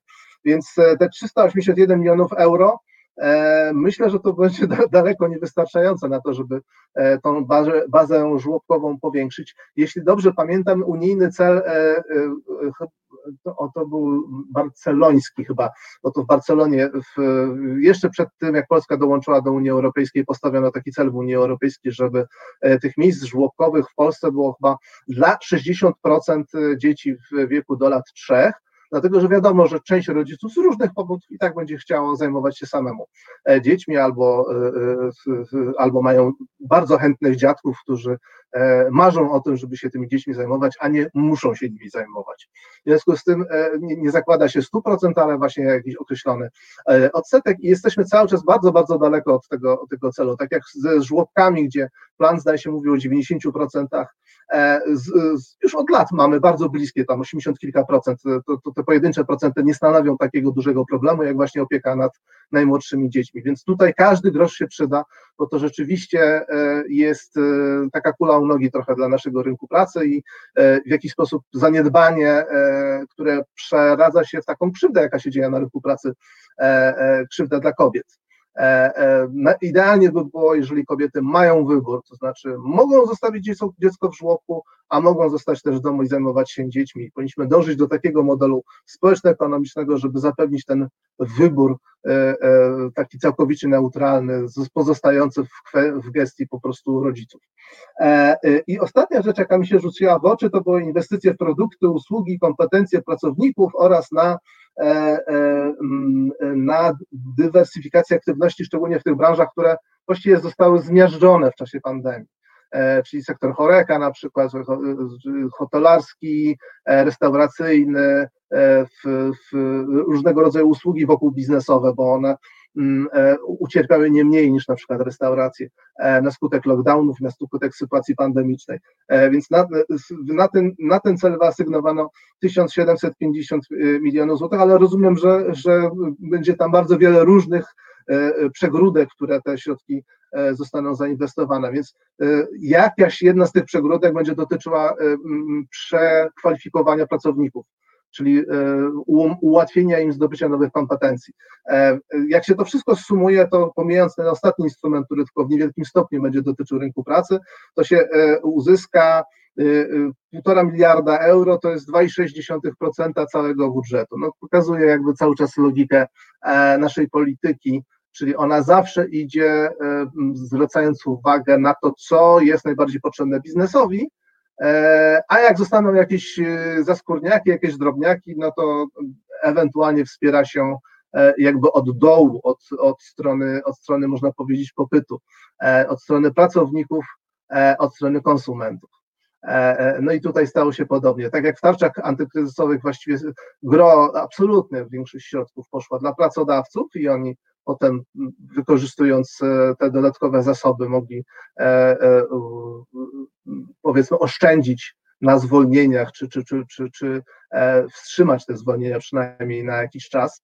Mm, tak samo, e, tak e, natomiast dla, dla, dla samych pracowników, którzy stracili pracę albo, albo na przykład, których pracodawca zdecydował o tym, że przechodzą na postojowe, no, zapomniano. E, no tak, tutaj w tym programie również jest taka filozofia, że no, proszę bardzo, to półtora miliarda Was powinno zadowolić. Nie można powiedzieć, że nic nie ma dla pracowników. Jak najbardziej, proszę bardzo, e, półtora miliarda euro to przecież jest 6 miliardów złotych. No, wprawdzie przez kilka lat i jak się to podzieli przez kilka lat, to wychodzi miliard e, bo to ten plan e, odbudowy i, i zwiększenia odporności to jest do 2026 roku, więc mamy już pierwszy rok tej perspektywy, mamy 6 lat, jak podzielimy te 6 miliardów złotych na 6 lat, akurat wychodzi miliard złotych, miliard złotych przeliczając euro na, na złotówki, miliard złotych rocznie, to nie jest dużo to nie jest dużo, miliard złotych rocznie. To, to, to, są, to są troszkę fistaszki, tak bym powiedział. Więc od tej strony mm, nie patrzę na, y, y, nie widzę w tym, żeby to była jakaś istotna rewolucja, patrząc z punktu widzenia pracowników. Być może e, pracodawcy mają y, znacznie lepsze zdanie e, o tym fragmencie programu, który dotyczy ich e. Tu Bożena Breczko pisze, osoby zajmujące się dziećmi powinny być za to wynagradzane. Gdyby państwo płaciło za wychowanie dzieci, to by zwiększało PKB. No wiele rzeczy by zwiększało PKB, aczkolwiek ja jestem jednak zwolennikiem tej instytucjonalnej opieki, bo płacenie za opiekę domową najprawdopodobniej kończyłoby się tym, że płaciłoby się małe bardzo pieniądze kobietom i one byłyby jeszcze bardziej bierne zawodowo niż dzisiaj, a praca ma też funkcje socjalizacyjne. Natomiast to jest bardzo ciekawa dyskusja też, y, też y, w Radzie Konsultacyjnej Strajku Kobiet, gdzie obydwa jesteśmy, też na ten temat było trochę sporów nawet. Wydaje mi się to w ogóle bardzo merytoryczny, ciekawy spór, czy właśnie płacić za pracę w domu, czy upowszechniać opiekę instytucjonalną. Są argumenty moim zdaniem po obydwu stronach, to jest w ogóle temat rzeka właściwie na całą debatę, być może różnych partnerów społecznych. Natomiast wracając do tego e, planu, e, programu odbudowy, ja jak dostałem ten dokument, to sobie wpisałem kilka, jakby najpierw sobie uprościłem zadanie, zanim to przeczytam i sobie wpisałem kilka słów między innymi wpisałem sobie związek zawodowy oczywiście i było zero. Jak zawsze, jak zawsze, bo, bo ja przy wszystkich programach, które PiS ogłasza, też robię podobny eksperyment z niektórymi słowami, kluczami i prawie e, tak jak w poprzednim programie, czyli tym, tej strategii na rzecz odpowiedzialnego rozwoju, czyli tej, tej pierwszej prezentacji w PowerPoincie Mateusza Morawieckiego tuż po wygranych e, wyborach, kiedy jeszcze nie był premierem, to też puszczałem słowa klucze i na przykład nie było ani razu słowo wynagrodzenie w tej pierwszej prezentacji. Potem widać się skonfundowali, zorientowali, że, że jednak to bardzo nie wygląda e, e, elegancko. No i ostateczny program, który rok później tak naprawdę e, wszedł w życie, no już te wynagrodzenia mocno tam podbijał. Te, te, te kwestie mhm. wynagrodzeniowe były podnoszone. Ale faktycznie w, w KPO czyli w Krajowym Planie Odbudowy związku zawodowych nie istnieją. Po prostu, no, tak. krótko mówiąc, związki są słabe i mają pozostać słabe. Taki jest plan. Tak. Druga rzecz, jest słowo pracownik, ale też nie w kontekście praw pracowniczych, tylko bardziej w kontekście równowagi na rynku pracy, w kontekście pracowników jako dużych grup społecznych, natomiast nie ma pracowników w kontekście praw pracowniczych. I trzecie, nie ma całej pierwszej części naszego programu, czyli słowo nierówność się pojawia, ale nie w kontekście nierówności społecznych, dochodowych, majątkowych, tylko tam w kontekście, nie wiem, nierówności bardziej regionalnych, jakby nie jest to stawiane jako problem, więc jakby te trzy, nazwijmy to braki, e, zobaczyłem od razu.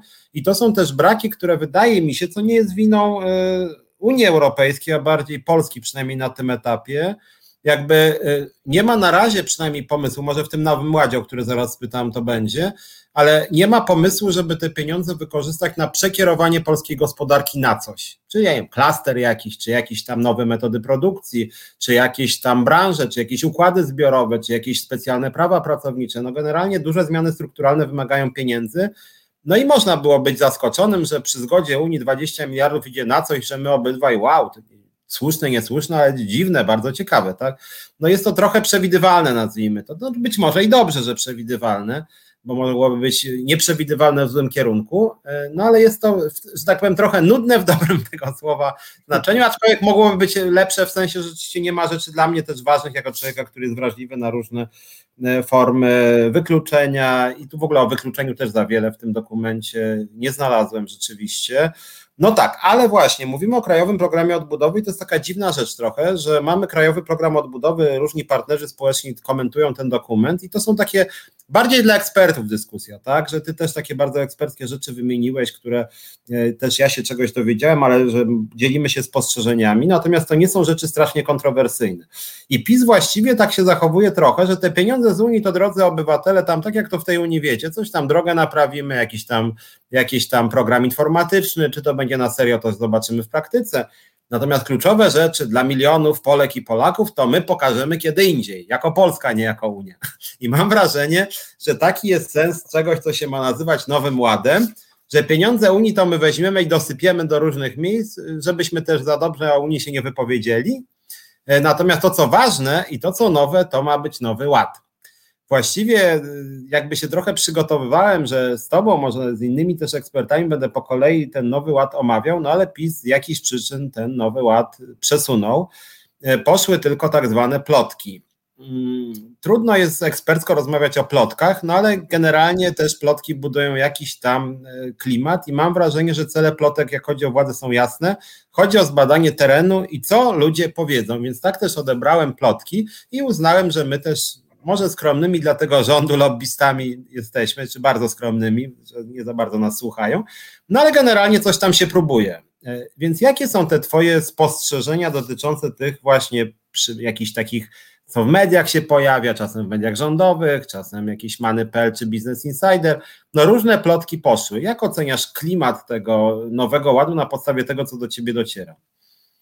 No, mnie osobiście najbardziej zainteresowały kwestie e, zmiany w systemie podatkowym, e, bo tam tradycyjnie znowu 16 chyba takich głównych pionów, których ma to przebiegać. Ten filmik promocyjny, który ten zapowiadał ten nowy ład, który miał być ogłoszony 20 marca, ale jak widać mamy 31 marca i e, dalej nie ma, nie znamy szczegółów tego, tego dokumentu i tego, jak on się, jak on dopasowuje się do, do, do, do Krajowego Planu Odbudowy i Zwiększenia Odporności, ale też e, przecież do strategii na rzecz odpowiedzialnego rozwoju, bo bo ten plan nie unieważnia tej strategii. Ona dalej jest realizowana do roku 2030.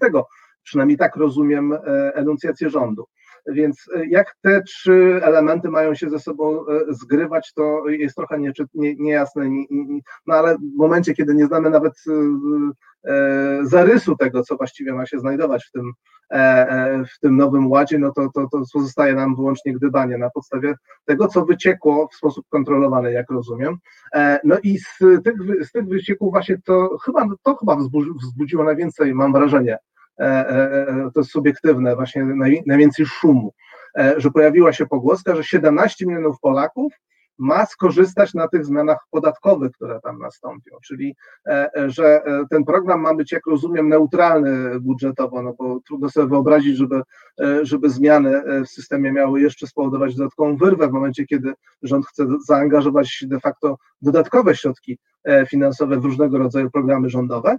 E, e, i reformy, i, i, e, więc mają być neutralne, co by oznaczało, że zostaną podwyższone podatki pozostałej grupie podatników. Same, sam PIT to już nie pamiętam, 25 milionów ludzi zdaje się płaci, więc jeżeli 17 milionów z tych 25 milionów ma skorzystać, no to 8 milionów musi stracić. Co by oznaczało, że, że nie mówimy o, o, o grupce, która wchodzi wyłącznie w E, przekracza ten drugi próg podatkowy 80 parę tysięcy e, rocznie, co nawiasem mówiąc wcale nie, nie są jakąś bombastyczną kwotą pieniędzy, bo to wychodzi chyba 6500 na rękę, jeśli dobrze pamiętam. E, więc owszem, dla, może dla większości naszych słuchaczy to nie są pieniądze, które oni zarabiają, ale nie są to pieniądze niewyobrażalne też. Natomiast, natomiast ten, ten próg pokonuje, zdaje się, 3% płacących PIT. E, e, I, e, czyli tam milion dwieście, zdaje się, tysięcy Polaków pokonało w 2020 roku ten próg, a mówimy o 7 milionach, więc dochodzimy naprawdę nawet być może poniżej poniżej średnich zarobków w kraju. Więc no niestety nie, nie wiemy do końca, co się czai za tym zapowiedzią, ale wiele wskazuje na to, że będzie gmeranie przy kwocie wolnej od podatku. E, to gmaranie już nastąpiło wcześniej, e, dlatego że już jest ta dziwna kwota wolna, która jest inna dla małych zarobków, zdaje się tam do 8 tysięcy, w ogóle nie ma żadnej, znaczy tak naprawdę w ogóle się żadnych podatków nie płaci, potem się ona zwiększa, przy 11 tysiącach zaczyna już być taka, jak, jak była e, w, przez ostatnie no, co najmniej dekadę, czyli tam nieco ponad 3000 zł rocznie, tak jest wolne E, wolne od podatku, jeśli dobrze pamiętam. E, e, I myślę, że myślę, że, że, że, że coś jest na rzeczy, że prawdopodobnie tutaj będą jakieś, jakieś manewry, choćby dlatego, że manewrowanie stawkami samych podatków, jeżeli miałoby być w górę, będzie bardzo źle odebrane. Nawet 1% w górę E, e, może zostać bardzo źle odebrany przez, przez Polaków. Znacznie trudniej atakować zmianę, która będzie polegała na tym, że na przykład e, osoby więcej zarabiające nie będą miały żadnej wolnej, wolnej kwoty od podatku, będą płaciły od pierwszej złotówki. Z, niby to samo, co podwyższenie podatków o załóżmy o 1%, ale znacznie trudniej ludziom wytłumaczyć, dlaczego nas to oburza. E, więc, więc rząd, mam takie, takie taką intuicję, e, e, właśnie kombinuję, jak zrobić, żeby stracić jak najmniej w słupkach poparcia, a jednocześnie faktycznie dokonać jakiegoś przetasowania, które by zmniejszyło obciążenie osób najmniej zarabiających w stosunku do tych zarabiających więcej, bo jakby jest to już wiedza powszechna. Jeżeli się sumuje podatki i składki, to Polska ma system regresywny. Im więcej zarabiamy, tym mniejszy odsetek naszych e, dochodów przeznaczamy na podatki, składki. Jest to zarówno wiedza e, prywatnych instytucji, które badały dostępne dane, jak i Ministerstwa Finansów, które wprost e, pokazało takie wyniki. Długo trzeba było czekać na to, żeby, żeby sam rząd pokazał, że no jest tutaj dramatyczny problem, dlatego że to wychodzi na to, że za pomocą też systemu podatkowego w Polsce powiększamy nierówności, a nie zmniejszamy. E, jeżeli tak to jest skonstruowane. A nierówności są bardzo kosztowne, e, zarówno społecznie, jak i po prostu czysto ekonomicznie. Jest masa badań, które pokazują, że nierówności powodują e, ogromne problemy, ale tak, na takim elementarnym poziomie nierówności po prostu powodują ograniczenie popytu konsumpcyjnego zwyczajnie. Im więcej osób najmniej zarabiających ma te dochody możliwie najmniej podgryzione przez podatki, tym większa ich grupa większy odsetek tych dochodów e, mniej zarabiających zostanie przeznaczony natychmiast na konsumpcję, czyli będzie napędzać gospodarkę, a szczególnie na produkty podstawowej potrzeby, z których większość produkowana jest na miejscu, więc też zasila e, firmy, które zatrudniają Polaków w granicach naszego kraju. Więc, więc jakby cieszę się, że są podchody w tą właśnie stronę. Prywatnie mogę mieć co najwyżej niepokój, E, że e, taka reforma, która nie zniechęci aż tak bardzo osoby średnio i więcej zarabiające do, do obecnego rządu, natomiast e, pomoże osobom mniej zarabiającym, może być fundamentem do kolejnego zwycięstwa w wyborach parlamentarnych. To jest moja taka prywatny niepokój, prywatny niepokój. Natomiast no jest to zmiana, której oczekiwałbym od każdego rządu. Tak? Mamy absurdalny system podatkowy, bardzo niesprawiedliwy i po prostu ekonomicznie głupi. E, e, więc, więc oczekuję od, tego, od, od rządu, żeby jak najszybciej ten system został odwrócony w stronę progresji. Chociaż z drugiej strony pamiętamy, że regresywność związana jest ze słynną trzydziestokrotnością, która miała być już zlikwidowana, ale się jednak postawił Gowin i zostało to no, tak zakręcone, że odrzucone, tak? Czyli zasada, że po przekroczeniu 30-krotności średniego wynagrodzenia się przestaje płacić składki, co sprawia, że jak zarabiam milion złotych rocznie czy dwa miliony, no to od pewnej kwoty w ogóle nie płacę składek i stąd łączna moja kwota opodatkowania, oskładkowania jest niższa niż osób, które zarabiają mało. Druga sprawa z Robert Jakub trochę ironicznie to napisał, że Partia Miłości z Obywatelem Pinokio coś mówiła o 30 tysiącach rocznie. Ja bym mógł to kulturalnie powiedzieć, że po prostu pan premier gdzieś tam puścił chyba plotka, raczej nie pan premier, tylko jacyś tam jego e, przyjaciele, że może być 30 tysięcy złotych rocznie kwoty wolnej. Ja tu nawet się naraziłem kilku, że tak powiem, znajomym, e, czy w cudzysłowie znajomym z lewej strony, że jednak byłem i jestem e, sceptyczny wobec tego pomysłu, bo 30 tysięcy kwoty wolnej, no to ja nie wiem, jakby to, że tak powiem, wypełnić podatkami z drugiej strony, żeby nie było luki budżetowej, bo jakby no, trudno wyliczyć, ile to byłoby miliardów ubytku dla finansów publicznych, ale wydaje mi się, że ponad 70, niektórzy mówią, że 100. Nie da się tego odbudować. Moim zdaniem, po prostu wprowadzając stawkę 50%, nawet nie wiem, od 120 tysięcy, czy nawet zniesieniem podatku liniowego dla przedsiębiorców, czego jestem gorącym zwolennikiem, ale to nie są nie tak, nie jest ta skala. Warto jednak jeszcze tak informacyjnie tylko powiem dla naszych widzów, bo w pewnym momencie sam miałem spór, jak kiedyś byłem z Bosakiem chyba w Polsacie i on mi mówił, że ten podatek PIT to można zlikwidować, bo PIT to jest tylko 60 miliardów yy, rocznie. A ja mówiłem, że kłamie, to znaczy myli się po prostu, wystarczy wejść na stronę Ministerstwa Finansów, że to nie jest 60, tylko obecnie z tego co pamiętam to jest blisko 200. E, I chodzi generalnie o to, że to są nie tylko pieniądze dla budżetu, ale pieniądze dla opieki zdrowotnej i dla samorządów. I nawet ta obniżka z 18 na 17 to był już cios w samorządy. I część samorządów sobie z tym dzisiaj nie radzi, że PiS obniżył podatek, nawet tą niższą stawkę, ale wpływy spadły dla samorządów. No więc jeżeli by wprowadzili 30 tysięcy, to drodzy widzowie i widzki lewicowe, nawet ja osobiście jestem raczej sceptyczny, bo to jest po prostu za dużo. Jeżeli nie byłoby jakiegoś innego konstrukcji niwelującej, ja nie wiem jakiej, to moim zdaniem jest totalnie nierealistyczne i populistyczne, więc ja się trochę obawiam, a z drugiej strony odnośnie tego, co ty mówiłeś, kombinowanie przy kwocie wolnej, żeby od jakiejś kwoty było y, zero kwota wolna, ja nie wiem, czy to jest dobry pomysł, bo to, jednak, to akurat system komplikuje rzeczywiście. Rozliczanie PIT-u, od stawki płacisz, od stawki nie płacisz, więc jak niektórzy mówią, że powinien być system bardzo prosty, to ja się zgadzam, tylko system 10, 30, 50, 70 jest tak samo prosty jak podatek liniowy z perspektywy, więc, więc, więc tutaj akurat to uważam, że na tym ta prostota powinna polegać. Tak samo składki. Składka od kwoty takiej, taka, od takiej, taka, nie, że nagle jakaś 30-krotność nie wiadomo właściwie skąd się wzięła, że bogaci nie płacą składek. Więc tutaj widzę jednak niepokój. Ja nie wiem naprawdę, jak oni to zrobią, bo jak pójdą w Twoim kierunku, to ja się zgadzam, że to będzie tak robione, żeby właśnie wygrać wybory. Ale to może się zrobić tak skomplikowane, że, że mogą też jakby nie wygrać tego o tyle, że wszystko tak pokomplikują, że ludzie nie będą wiedzieli o co chodzi.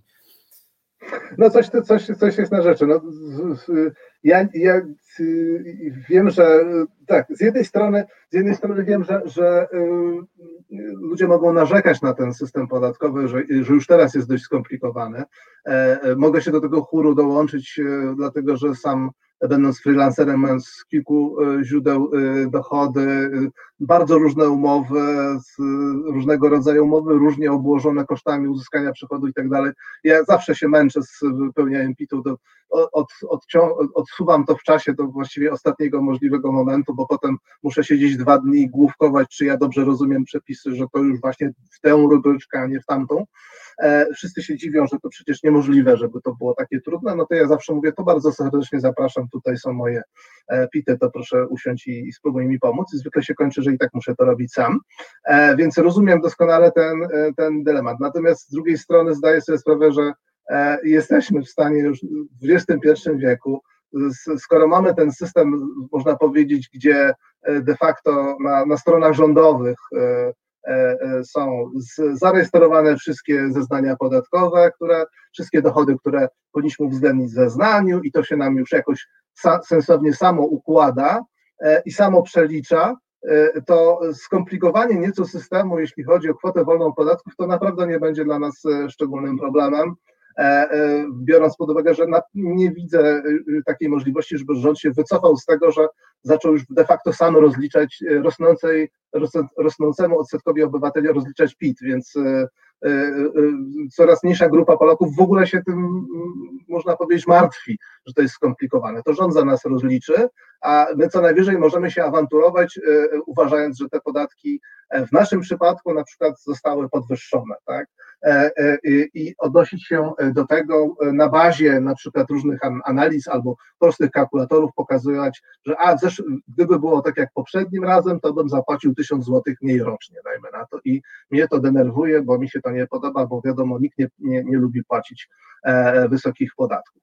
E, więc, e, więc, więc to, to, to, to, to bym krótko mówiąc bagatelizował to, to skomplikowanie, dlatego że to jest drugorzędna, drugorzędna rzecz. Natomiast faktycznie narracyjnie będzie to ciekawe, bo jak wytłumaczyć ludziom, że skorzystacie, jeżeli te podatki będą tak naprawdę w rozliczeniu rocznym, czyli dopiero za rok zobaczymy e, e, większy zwrot, dlaczego ludzie mają zagłosować na PiS, dlatego że w tym będzie kilkaset złotych więcej w tym rocznym, a z kolei inni mają protestować, bo to, to będzie trudne do rozegrania e, piarowsko. Jestem bardzo ciekaw, jak, jak będą to próbować robić, jeżeli faktycznie sprawdzi się to, że raczej nie będą kombinować ze stawkami, tylko właśnie z tą kwotą wolną podatku. Ale może być różnie, może się okazać, że faktycznie dojdzie kwota, e, e, jeszcze jeden próg podatkowy. Z, jest sporo badań, które sugerują, że je, jeżeli jesteśmy w stanie na bazie danych o tym, jak wygląda struktura naszych podatników, wykreślić coś w rodzaju krzywej Lafera, a są, e, były takie próby wykreślenia, to mamy, możemy spokojnie te podatki niemalże do 50% podnieść e, dochodowe przy odpowiednio, odpowiednio wysokich dochodach oczywiście. Nie ma ryzyka, że to spowoduje jakiś tajemniczy, magiczny ucieczkę podatników, czy e, zwiększenie do 50% powinno zwiększyć wpływy budżetowe, krótko mówiąc, a taki jest zasadniczo chyba cel tej całej operacji, w, podstawowy przynajmniej cel. Więc, e, więc tutaj jest jakieś pole manewru, ale jestem właśnie ciekaw, nie ma za bardzo, nie słyszałem, żeby rząd był specjalnie zainteresowany podatkiem majątkowym, a było sporo głosów raczej wśród takich niezależnych e, e, ekonomistów, że choćby, choćby kwestie spłaty tego dodatkowego długu, który się pojawił w związku z tarczami antykryzysowymi. Można byłoby założyć, że to spłacamy z takiego wprowadzonego, dajmy na to, na 10 lat podatku majątkowego, gdzie załóżmy próg był ustalony, że od półtora miliona do półtora miliona złotych majątku, czyli mieszkanie, dom, garaż, samochód, do półtora miliona w ogóle nie płacimy podatku, dopiero powyżej tej kwoty majątek jest obciążony 1%, 1% rocznie, e, powyżej tam odpowiednio nie wiem, 5 milionów czy 4 milionów złotych to 2% albo 1,5% i jakoś tam e, możemy dojść albo do stawki 2 albo 3%. O wyższych stawkach e, nie słyszałem. E, niezależnie od tego, jak bardzo lewicowi byliby to e, proponenci.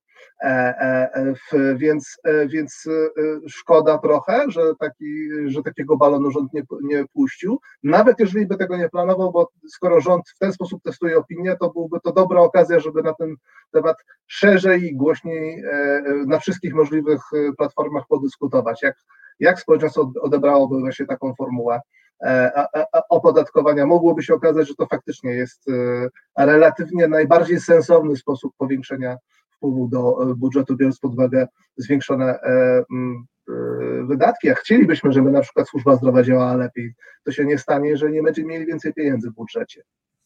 Więc może to będzie taki nasz balon, drogi rządzie, droga opozycjo. Pomyślcie nad tym podatkiem majątkowym. Bożena Breczko słusznie pisze, praca jest wyżej opodatkowana niż majątek, renty, spadki, nieruchomości. To demoralizujące, więc taki jest nasz wniosek też z tej dyskusji. Podatki PIT warto uczynić bardziej progresywnymi, ale jak rząd ma kombinować i się tam wewnętrznie już gubić, nikt nie będzie wiedział o co chodzi, to jakieś opodatkowanie majątku ludzi najbogatszych rzeczywiście wydaje mi się, że szczególnie dzisiaj byłoby właściwe, tym bardziej, że mamy stan straszny, mamy stan epidemiczny, mamy stan dramatyczny, wiele branż się sypie i potrzebuje wsparcia, więc tutaj pojęcie solidarności dzisiaj chyba jest jak najbardziej na miejscu, jak nigdy, no od wielu lat przynajmniej, tak? Dobra, bardzo Ci dziękuję za przyjście, myślę, że za dwa miesiące gdzieś się znowu spotkamy i zobaczymy, na ile te nasze diagnozy się sprawdzają, się, a tu nagle majątek opodatkowany, PIT bardziej progresywny, żyjemy w ogóle w innym kraju. No wątpię, żeby tak było, ale kto wie, może nas ktoś obejrzał. Bardzo Ci dziękuję, Łukasz, więc, więc widzimy się i słyszymy pewnie za dwa miesiące, a my się widzimy za chwilę. Jeszcze zrobię przegląd tego, co się dzieje w, na rynku pracy w różnych firmach, spółkach Skarbu Państwa, też gdzie my jako związek działamy, jakie niespodzianki przygotowują nam różni prezesi spółek Skarbu Państwa. Niestety tych niespodzianek jest ostatnio dużo i to nie są dobre niespodzianki. Dzisiaj na przykład pani Paczuska trafiła na pocztę, była szefowa, e, członkini zarządu w TVP i szefowa wiadomości, a w tym samym czasie zwalnia się 2000, co najmniej 2000 pracowników poczty. To nie działa motywująco, to wkurza trochę, tak? Bardzo Ci raz jeszcze, Łukaszu, dziękuję, a my robimy krótką przerwę. Słuchasz Resetu Obywatelskiego. Znudzeni mainstreamowymi newsami? Czas na reset obywatelski zaangażowane dziennikarstwo. No i wracamy. Piotr Szymlewicz, czas na związki. Teraz jestem już sam. Chciałem z Wami podsumować trochę przez te ostatnie 20 minut, co się tam ostatnio działo w debacie publicznej, o czym też nie za bardzo się mówi, a co jest ważne, tak, o czym się mówi, ale niekoniecznie w tych głównych y, mediach, a co jest ważne i mówią o tym pracownicy tylko uzupełnię, co pisałeś na ten ostatni nasz temat. Bożena Breczko, córce Osieckiej dostaje ponad, córka Osieckiej dostaje ponad milion rocznie stantiem za utwory matki, przecież sama na to nie zapracowała, czy nie wspomnę o córce Kulczyka. No tak, e, Kulczykowie to nawet tam są wśród najbogatszych Polaków, chociaż no nie mieli zbyt wielkich zasług związanych z tym, że ich ojciec e, sporo zarobił. No i właśnie na tym ten system polega, że jak chodzi o ludzi mm, majętnych, to bardzo często jest po prostu dziedziczone bogactwo i z drugiej strony mamy dziedziczenie ubóstwa. Są różne badania, że na przykład bardzo trudno jest awansować, jak się urodziło gdzieś w okolicach wsi postpegierowskich. E, rzeczywiście trzeba dużo więcej wysiłku, żeby zdobyć wysoką pozycję, żeby dużo zarabiać, niż jak się jest z dużego miasta, z bogatej rodziny, tak, często ma się ten start zapewniony, tak na marginesie było, wracając do początku naszej dzisiejszej audycji, ostatnio bodaj był jakiś wywiad czy tekst dotyczący rodziny Lewandowskiego i tam było pokazane, że ta rodzina bardzo dużo Lewandowskiego inwestowała w jego rozwój piłkarski, no co z jednej strony można powiedzieć trochę zwraca mu się, ale z drugiej strony no jeżeli rzeczywiście, żeby być dobrym piłkarzem, to trzeba mieć te kilkaset tysięcy, no to też y, najwyraźniej właśnie te kanały awansu e, w piłce nożnej widać, no nie są w pełni otwarte, trzeba mieć na starcie jakieś pieniądze, trzeba być właśnie z bogatej rodziny i wtedy jest dużo łatwiej po prostu, tak? No, natomiast wracając do naszych wiadomości ze świata związkowego, News przedwczoraj, jak wiecie, bardzo lubię w cudzysłowie trochę e, spółki Skarbu Państwa, e, znaczy zajmuję się nimi, bo Związek Zawodowy, Związkowa Alternatywa, której jestem przewodniczącym właśnie w tych spółkach między innymi działa, mamy e, związki między innymi na poczcie, mamy związek w locie, w Polskiej Grupie Zbrojeniowej działamy, działamy w wielu miejscach, gdzie państwo działa aktywnie, dlatego między innymi Prawo i Sprawiedliwość bardzo nas nie lubi, no, i mamy też różne związki zaprzyjaźnione z nami, z którymi mamy stały kontakt, współpracujemy. E, ostatnio przyszło do mnie doniesienie, informacja o tym, co się dzieje w Polskiej Agencji Żeglugi Powietrznej. Trochę było o tym mowy w resecie obywatelskim w moim programie. No ale ostatnio była niespodzianka, bo wyobraźcie sobie, że y, po tych doniesieniach y, związkowców, którzy działają na terenie Polskiej Agencji Żeglugi Powietrznej, jak ktoś nie wie o czym mówię, mówię o kontrolerach ruchu lotniczego. Ci panowie i panie, którzy właśnie w wieży lotów patrzą, co się dzieje na e, górze, którzy mówią na przykład, no nie wiem, że jak jeden samolot ląduje, to, to, to nie powinien drugi lądować na przykład, żeby nie było zderzeń, no w jakiejś mierze po prostu kierują tym ruchem mm, powietrznym.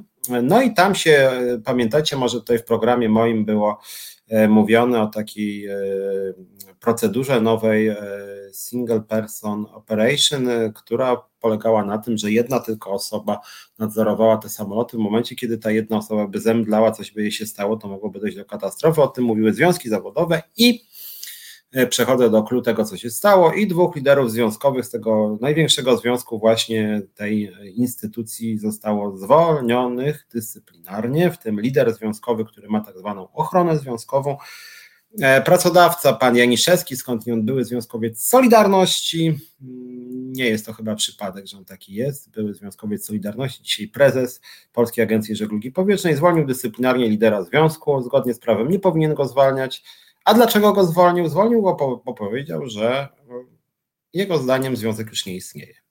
Tak sobie pan prezes zadekretował, pan prezes uznał, że związek działa niezgodnie ze swoim własnym statutem, tak jakby pan prezes miał prawo in, interpretować czyjś statut związku zawodowego, jeżeli już to powinien iść do sądu, no ale mimo to Pan prezes zwolnił, z nikim tego nie skonsultował, e, dekretem odebrał uprawnienia zakładowej organizacji związkowej, no i na chwilę obecną tak to wygląda. Mm, my jako Związkowa Alternatywa jesteśmy w kontakcie z tym właśnie związkiem, który jest uznawany już przez pana prezesa za nielegalny, ale to jest kolejna spółka Skarbu Państwa, czy właściwie przedsiębiorstwo państwowe, której e, pan nominowany przez PiS całkowicie e, depcze właśnie prawa pracownicze, który dyskryminuje związki zawodowe. Więc to taki pierwszy news na dzisiaj, będę o tej sprawie interweniował. No jest to dosyć bulwersujące, że rzeczywiście nie dość, że się wyrzuca działaczy związkowych za to, że nagłaśniają niebezpieczeństwo, bo to są działacze, którzy nagłaśniali właśnie te kwestie związane z tym single person operation, no to nie dość, że się ich zwalnia, to jeszcze się właśnie e, de facto pozbawia uprawnień największe organizacje związkowe. To jest rzecz bardzo niepokojąca. Bożena Breczko pisze, TVN zapowiedział, że będzie przekształcał śmieciówki na umowę o pracę, przestraszyli się kontroli związkowej alternatywy. No trochę na to wygląda dzień po tym, jak myśmy e, mówili o tym i pisali, nawet w tym programie o tym, o ile pamiętam, tydzień temu wspominałem, E, to właściwie dzień później TVN ogłosił, że będzie zamieniał śmieciówki na etaty. My jesteśmy w kontakcie z wieloma pracownikami TVN-u. Miał dzisiaj być nawet przedstawiciel właśnie TVN-u, znaczy pracowników TVN-u, mm, natomiast prawdopodobnie przyjdzie za tydzień.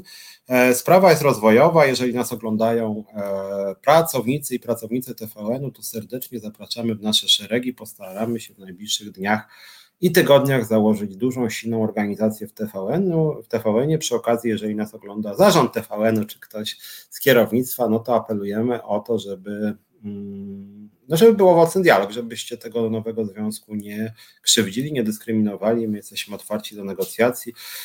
E, popieramy zamianę śmieciówek na etat, aczkolwiek chcielibyśmy też, żeby pracownicy w tym procesie transformacji firmy mieli coś do powiedzenia, bo z tego co wiem w TVN-ie mm, jest wiele zalet, nieźle się zarabia na przykład, e, praca jest ciekawa, praca jest twórcza, natomiast no, pracownicy mówią o tym, że mają rzeczywiście niewiele do gadania, że nie partycypują w tym, co się dzieje w przedsiębiorstwie, że pracodawca podejmuje decyzje całkowicie samowolnie, że krótko mówiąc, dialog społeczny w firmie nie istnieje. E, my będziemy walczyć o to, żeby w TVN ten dialog istniał, żeby właśnie mm, strukturalne zmiany były konsultowane docelowo. Bardzo by nam zależało, żeby w TVN był układ zbiorowy, który by regulował e, relacje między pracownikami i pracodawcą i zapraszamy wszystkich pracowników TVN, żeby do nas wstępowali i żebyśmy wspólnie coś takiego przeforsowali, a do władz TVN-u apeluję i tu pierwszy krok jest bardzo dobry, ta zamiana śmieciówek e, na etaty stopniowa na razie, e,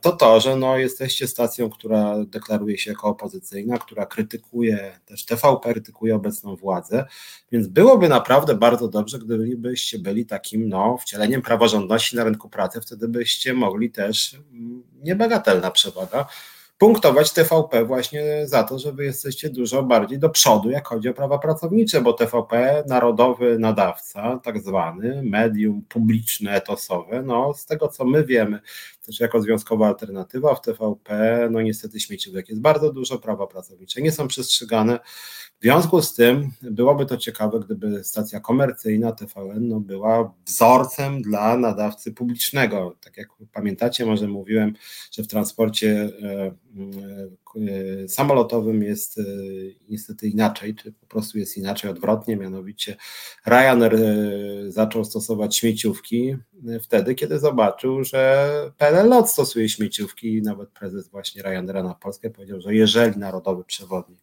stosuje wyłącznie samozatrudnienie, no to właśnie dlaczego my mamy tego nie robić? Jeżeli w Polsce byłoby tak, że TVN by nagle zaczął promować, a słyszę, że tak się ma dziać umowy etatowe, no to jakby konsekwentnie TVN poszedł w tą stronę i by również mm, konsultował swoje decyzje z pracownikami, gdyby był wzorcowy, wzorcowe byłyby relacje między y, zarządem i związkami zawodowymi, no to Szapoba, miałbym szacunek duży dla TVN również za podejście do pracowników. Jak mówię, my jesteśmy otwarci i chętnie w taki dialog e, wejdziemy. Mm, jeśli chodzi też o sprawy związane z spółkami Skarbu Państwa, jak już o tym mówię, jako związkowa alternatywa napisaliśmy do pana Andrzeja Dudy pismo. Mm, pan Andrzej Duda niedawno ogłosił, że się spotkał ze spółką Inpost, z władzami tej spółki.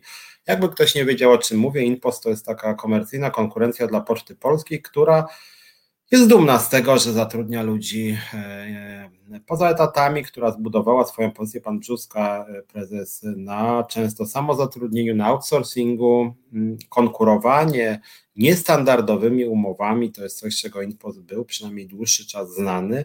I to, że prezydent kraju zaprasza do siebie zarząd tej spółki, ją błogosławi, chwali, namaszcza, no jest to bardzo y, dyskusyjne, w związku z tym y, zwróciliśmy się do pana prezydenta, żeby raczej się zajął sytuacją na Poczcie Polskiej, gdzie 2000, co najmniej osób, 2000 jeszcze niedawno słyszeliśmy o 7,5 tysiącu, co najmniej 2000 osób ma być zwolnionych, a tymczasem pani Paczuska e, jest zatrudniona, dla niej miejsce jest jakaś pani z PiSu, nominatka partyjna, trafia na pocztę, trafiają ludzie, też mówił o tym Piotr Moniuszko bodaj 2 czy 3 tygodnie temu z Ministerstwa Obrony Narodowej, nominaci z MSWiA, no więc apelowalibyśmy do pana prezydenta, żeby zajął się właśnie spółkami Skarbu Państwa. Sam obiecywał w kampanii wyborczej, że będzie walczył ze śmieciówkami, że będzie promował godne zatrudnienie, dobrze płatne zatrudnienie. No to panie prezydencie, czekamy na interwencję na poczcie, czekamy na interwencję w locie, o którym mówię właściwie tutaj. E, co tydzień, no i na razie żeśmy się nie doczekali. Pan prezydent sobie śpi, czy nie wiem, czy jest na jakimś stoku, czy jest na wakacjach, ale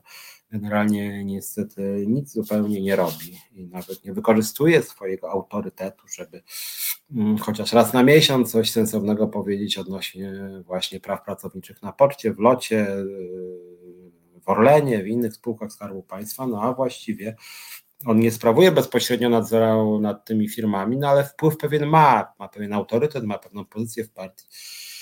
Więc zachęcamy, panie prezydencie. Jeżeli chodzi jeszcze o lot, to jedna sprawa. Mm, nie, nie, nie chyba wam mówiłem dwa tygodnie temu, że ministerstwo pana Sasina, aktywów państwowych, odpisało na pytania związkowej alternatywy.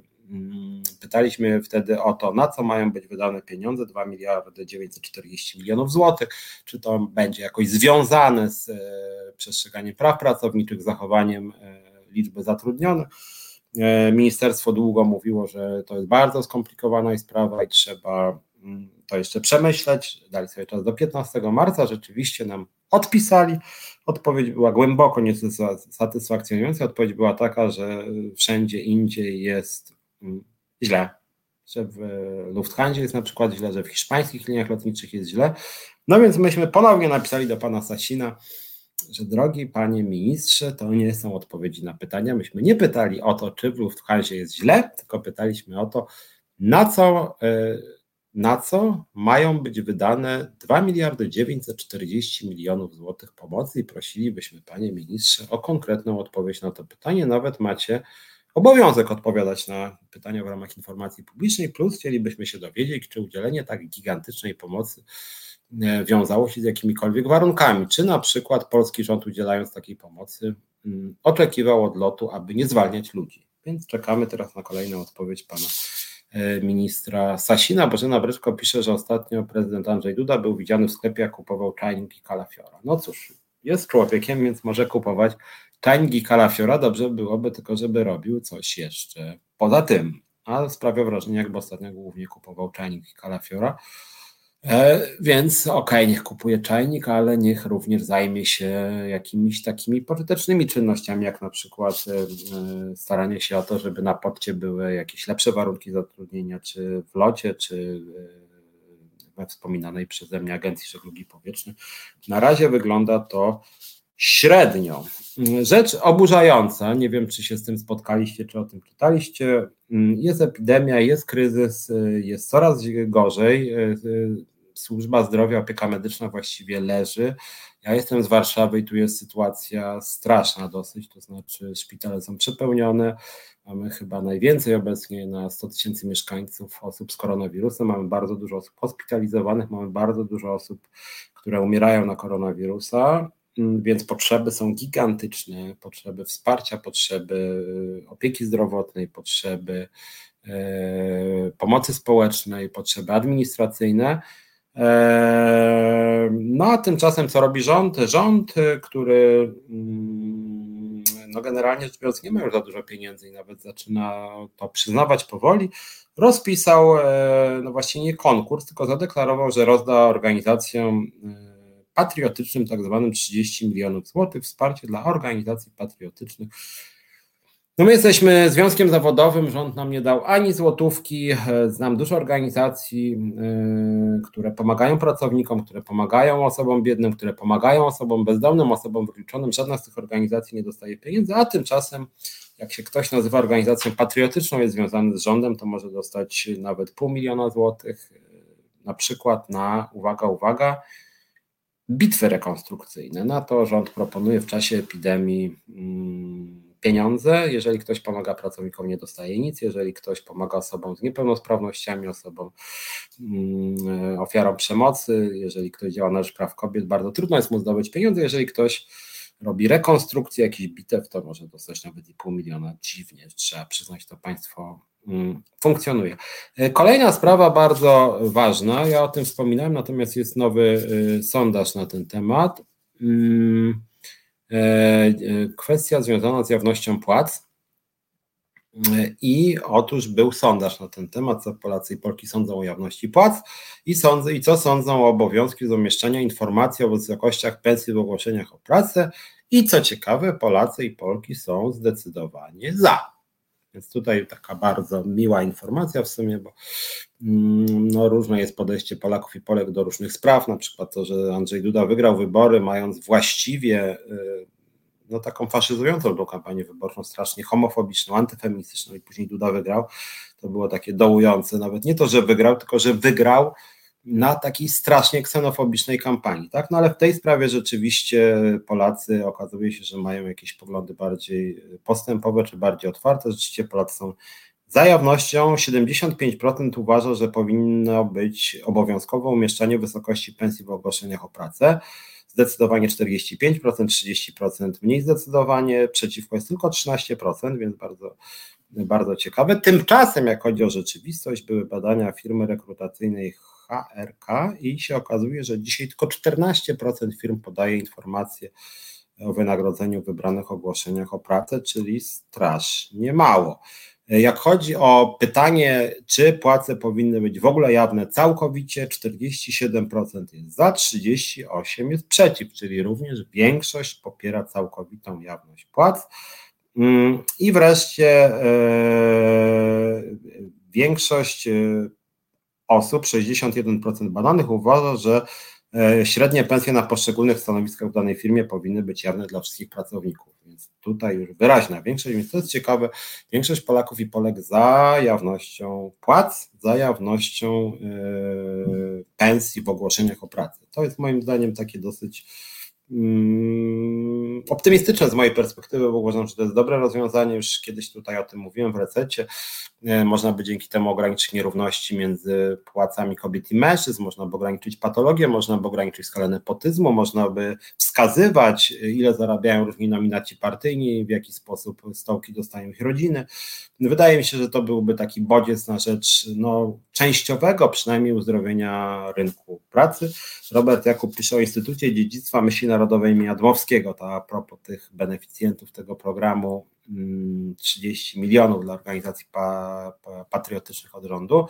Robert Jakub, gdyby nie wspomniany Lewandowski, to byśmy nie wiedzieli, że mamy prezydenta z nich jak słońce, że Boże od kilku tygodni. No, no właśnie dla mnie to jest w ogóle jakoś takie, pomijając to, jak wiecie, jak PiSu nie lubię, natomiast e, rzeczywiście to, że dzisiaj prezydenta nie ma właściwie, e, abdykował, e, prezesa Kaczyńskiego, szefa największej partii jakby nie było, również nie ma, to jest przecież wicepremier do spraw bezpieczeństwa i ludzie czują się zagrożeni, ludzie czują się przerażeni, kiedy ludzie czują się zestresowani, a tymczasem pan Kaczyński jest na permanentnych permanentnych wakacjach. E, Bożena Bryczko, firmy nie podają wysokości wynagrodzenia, bo zazwyczaj są to bardzo niskie stawki i się boją hejtu.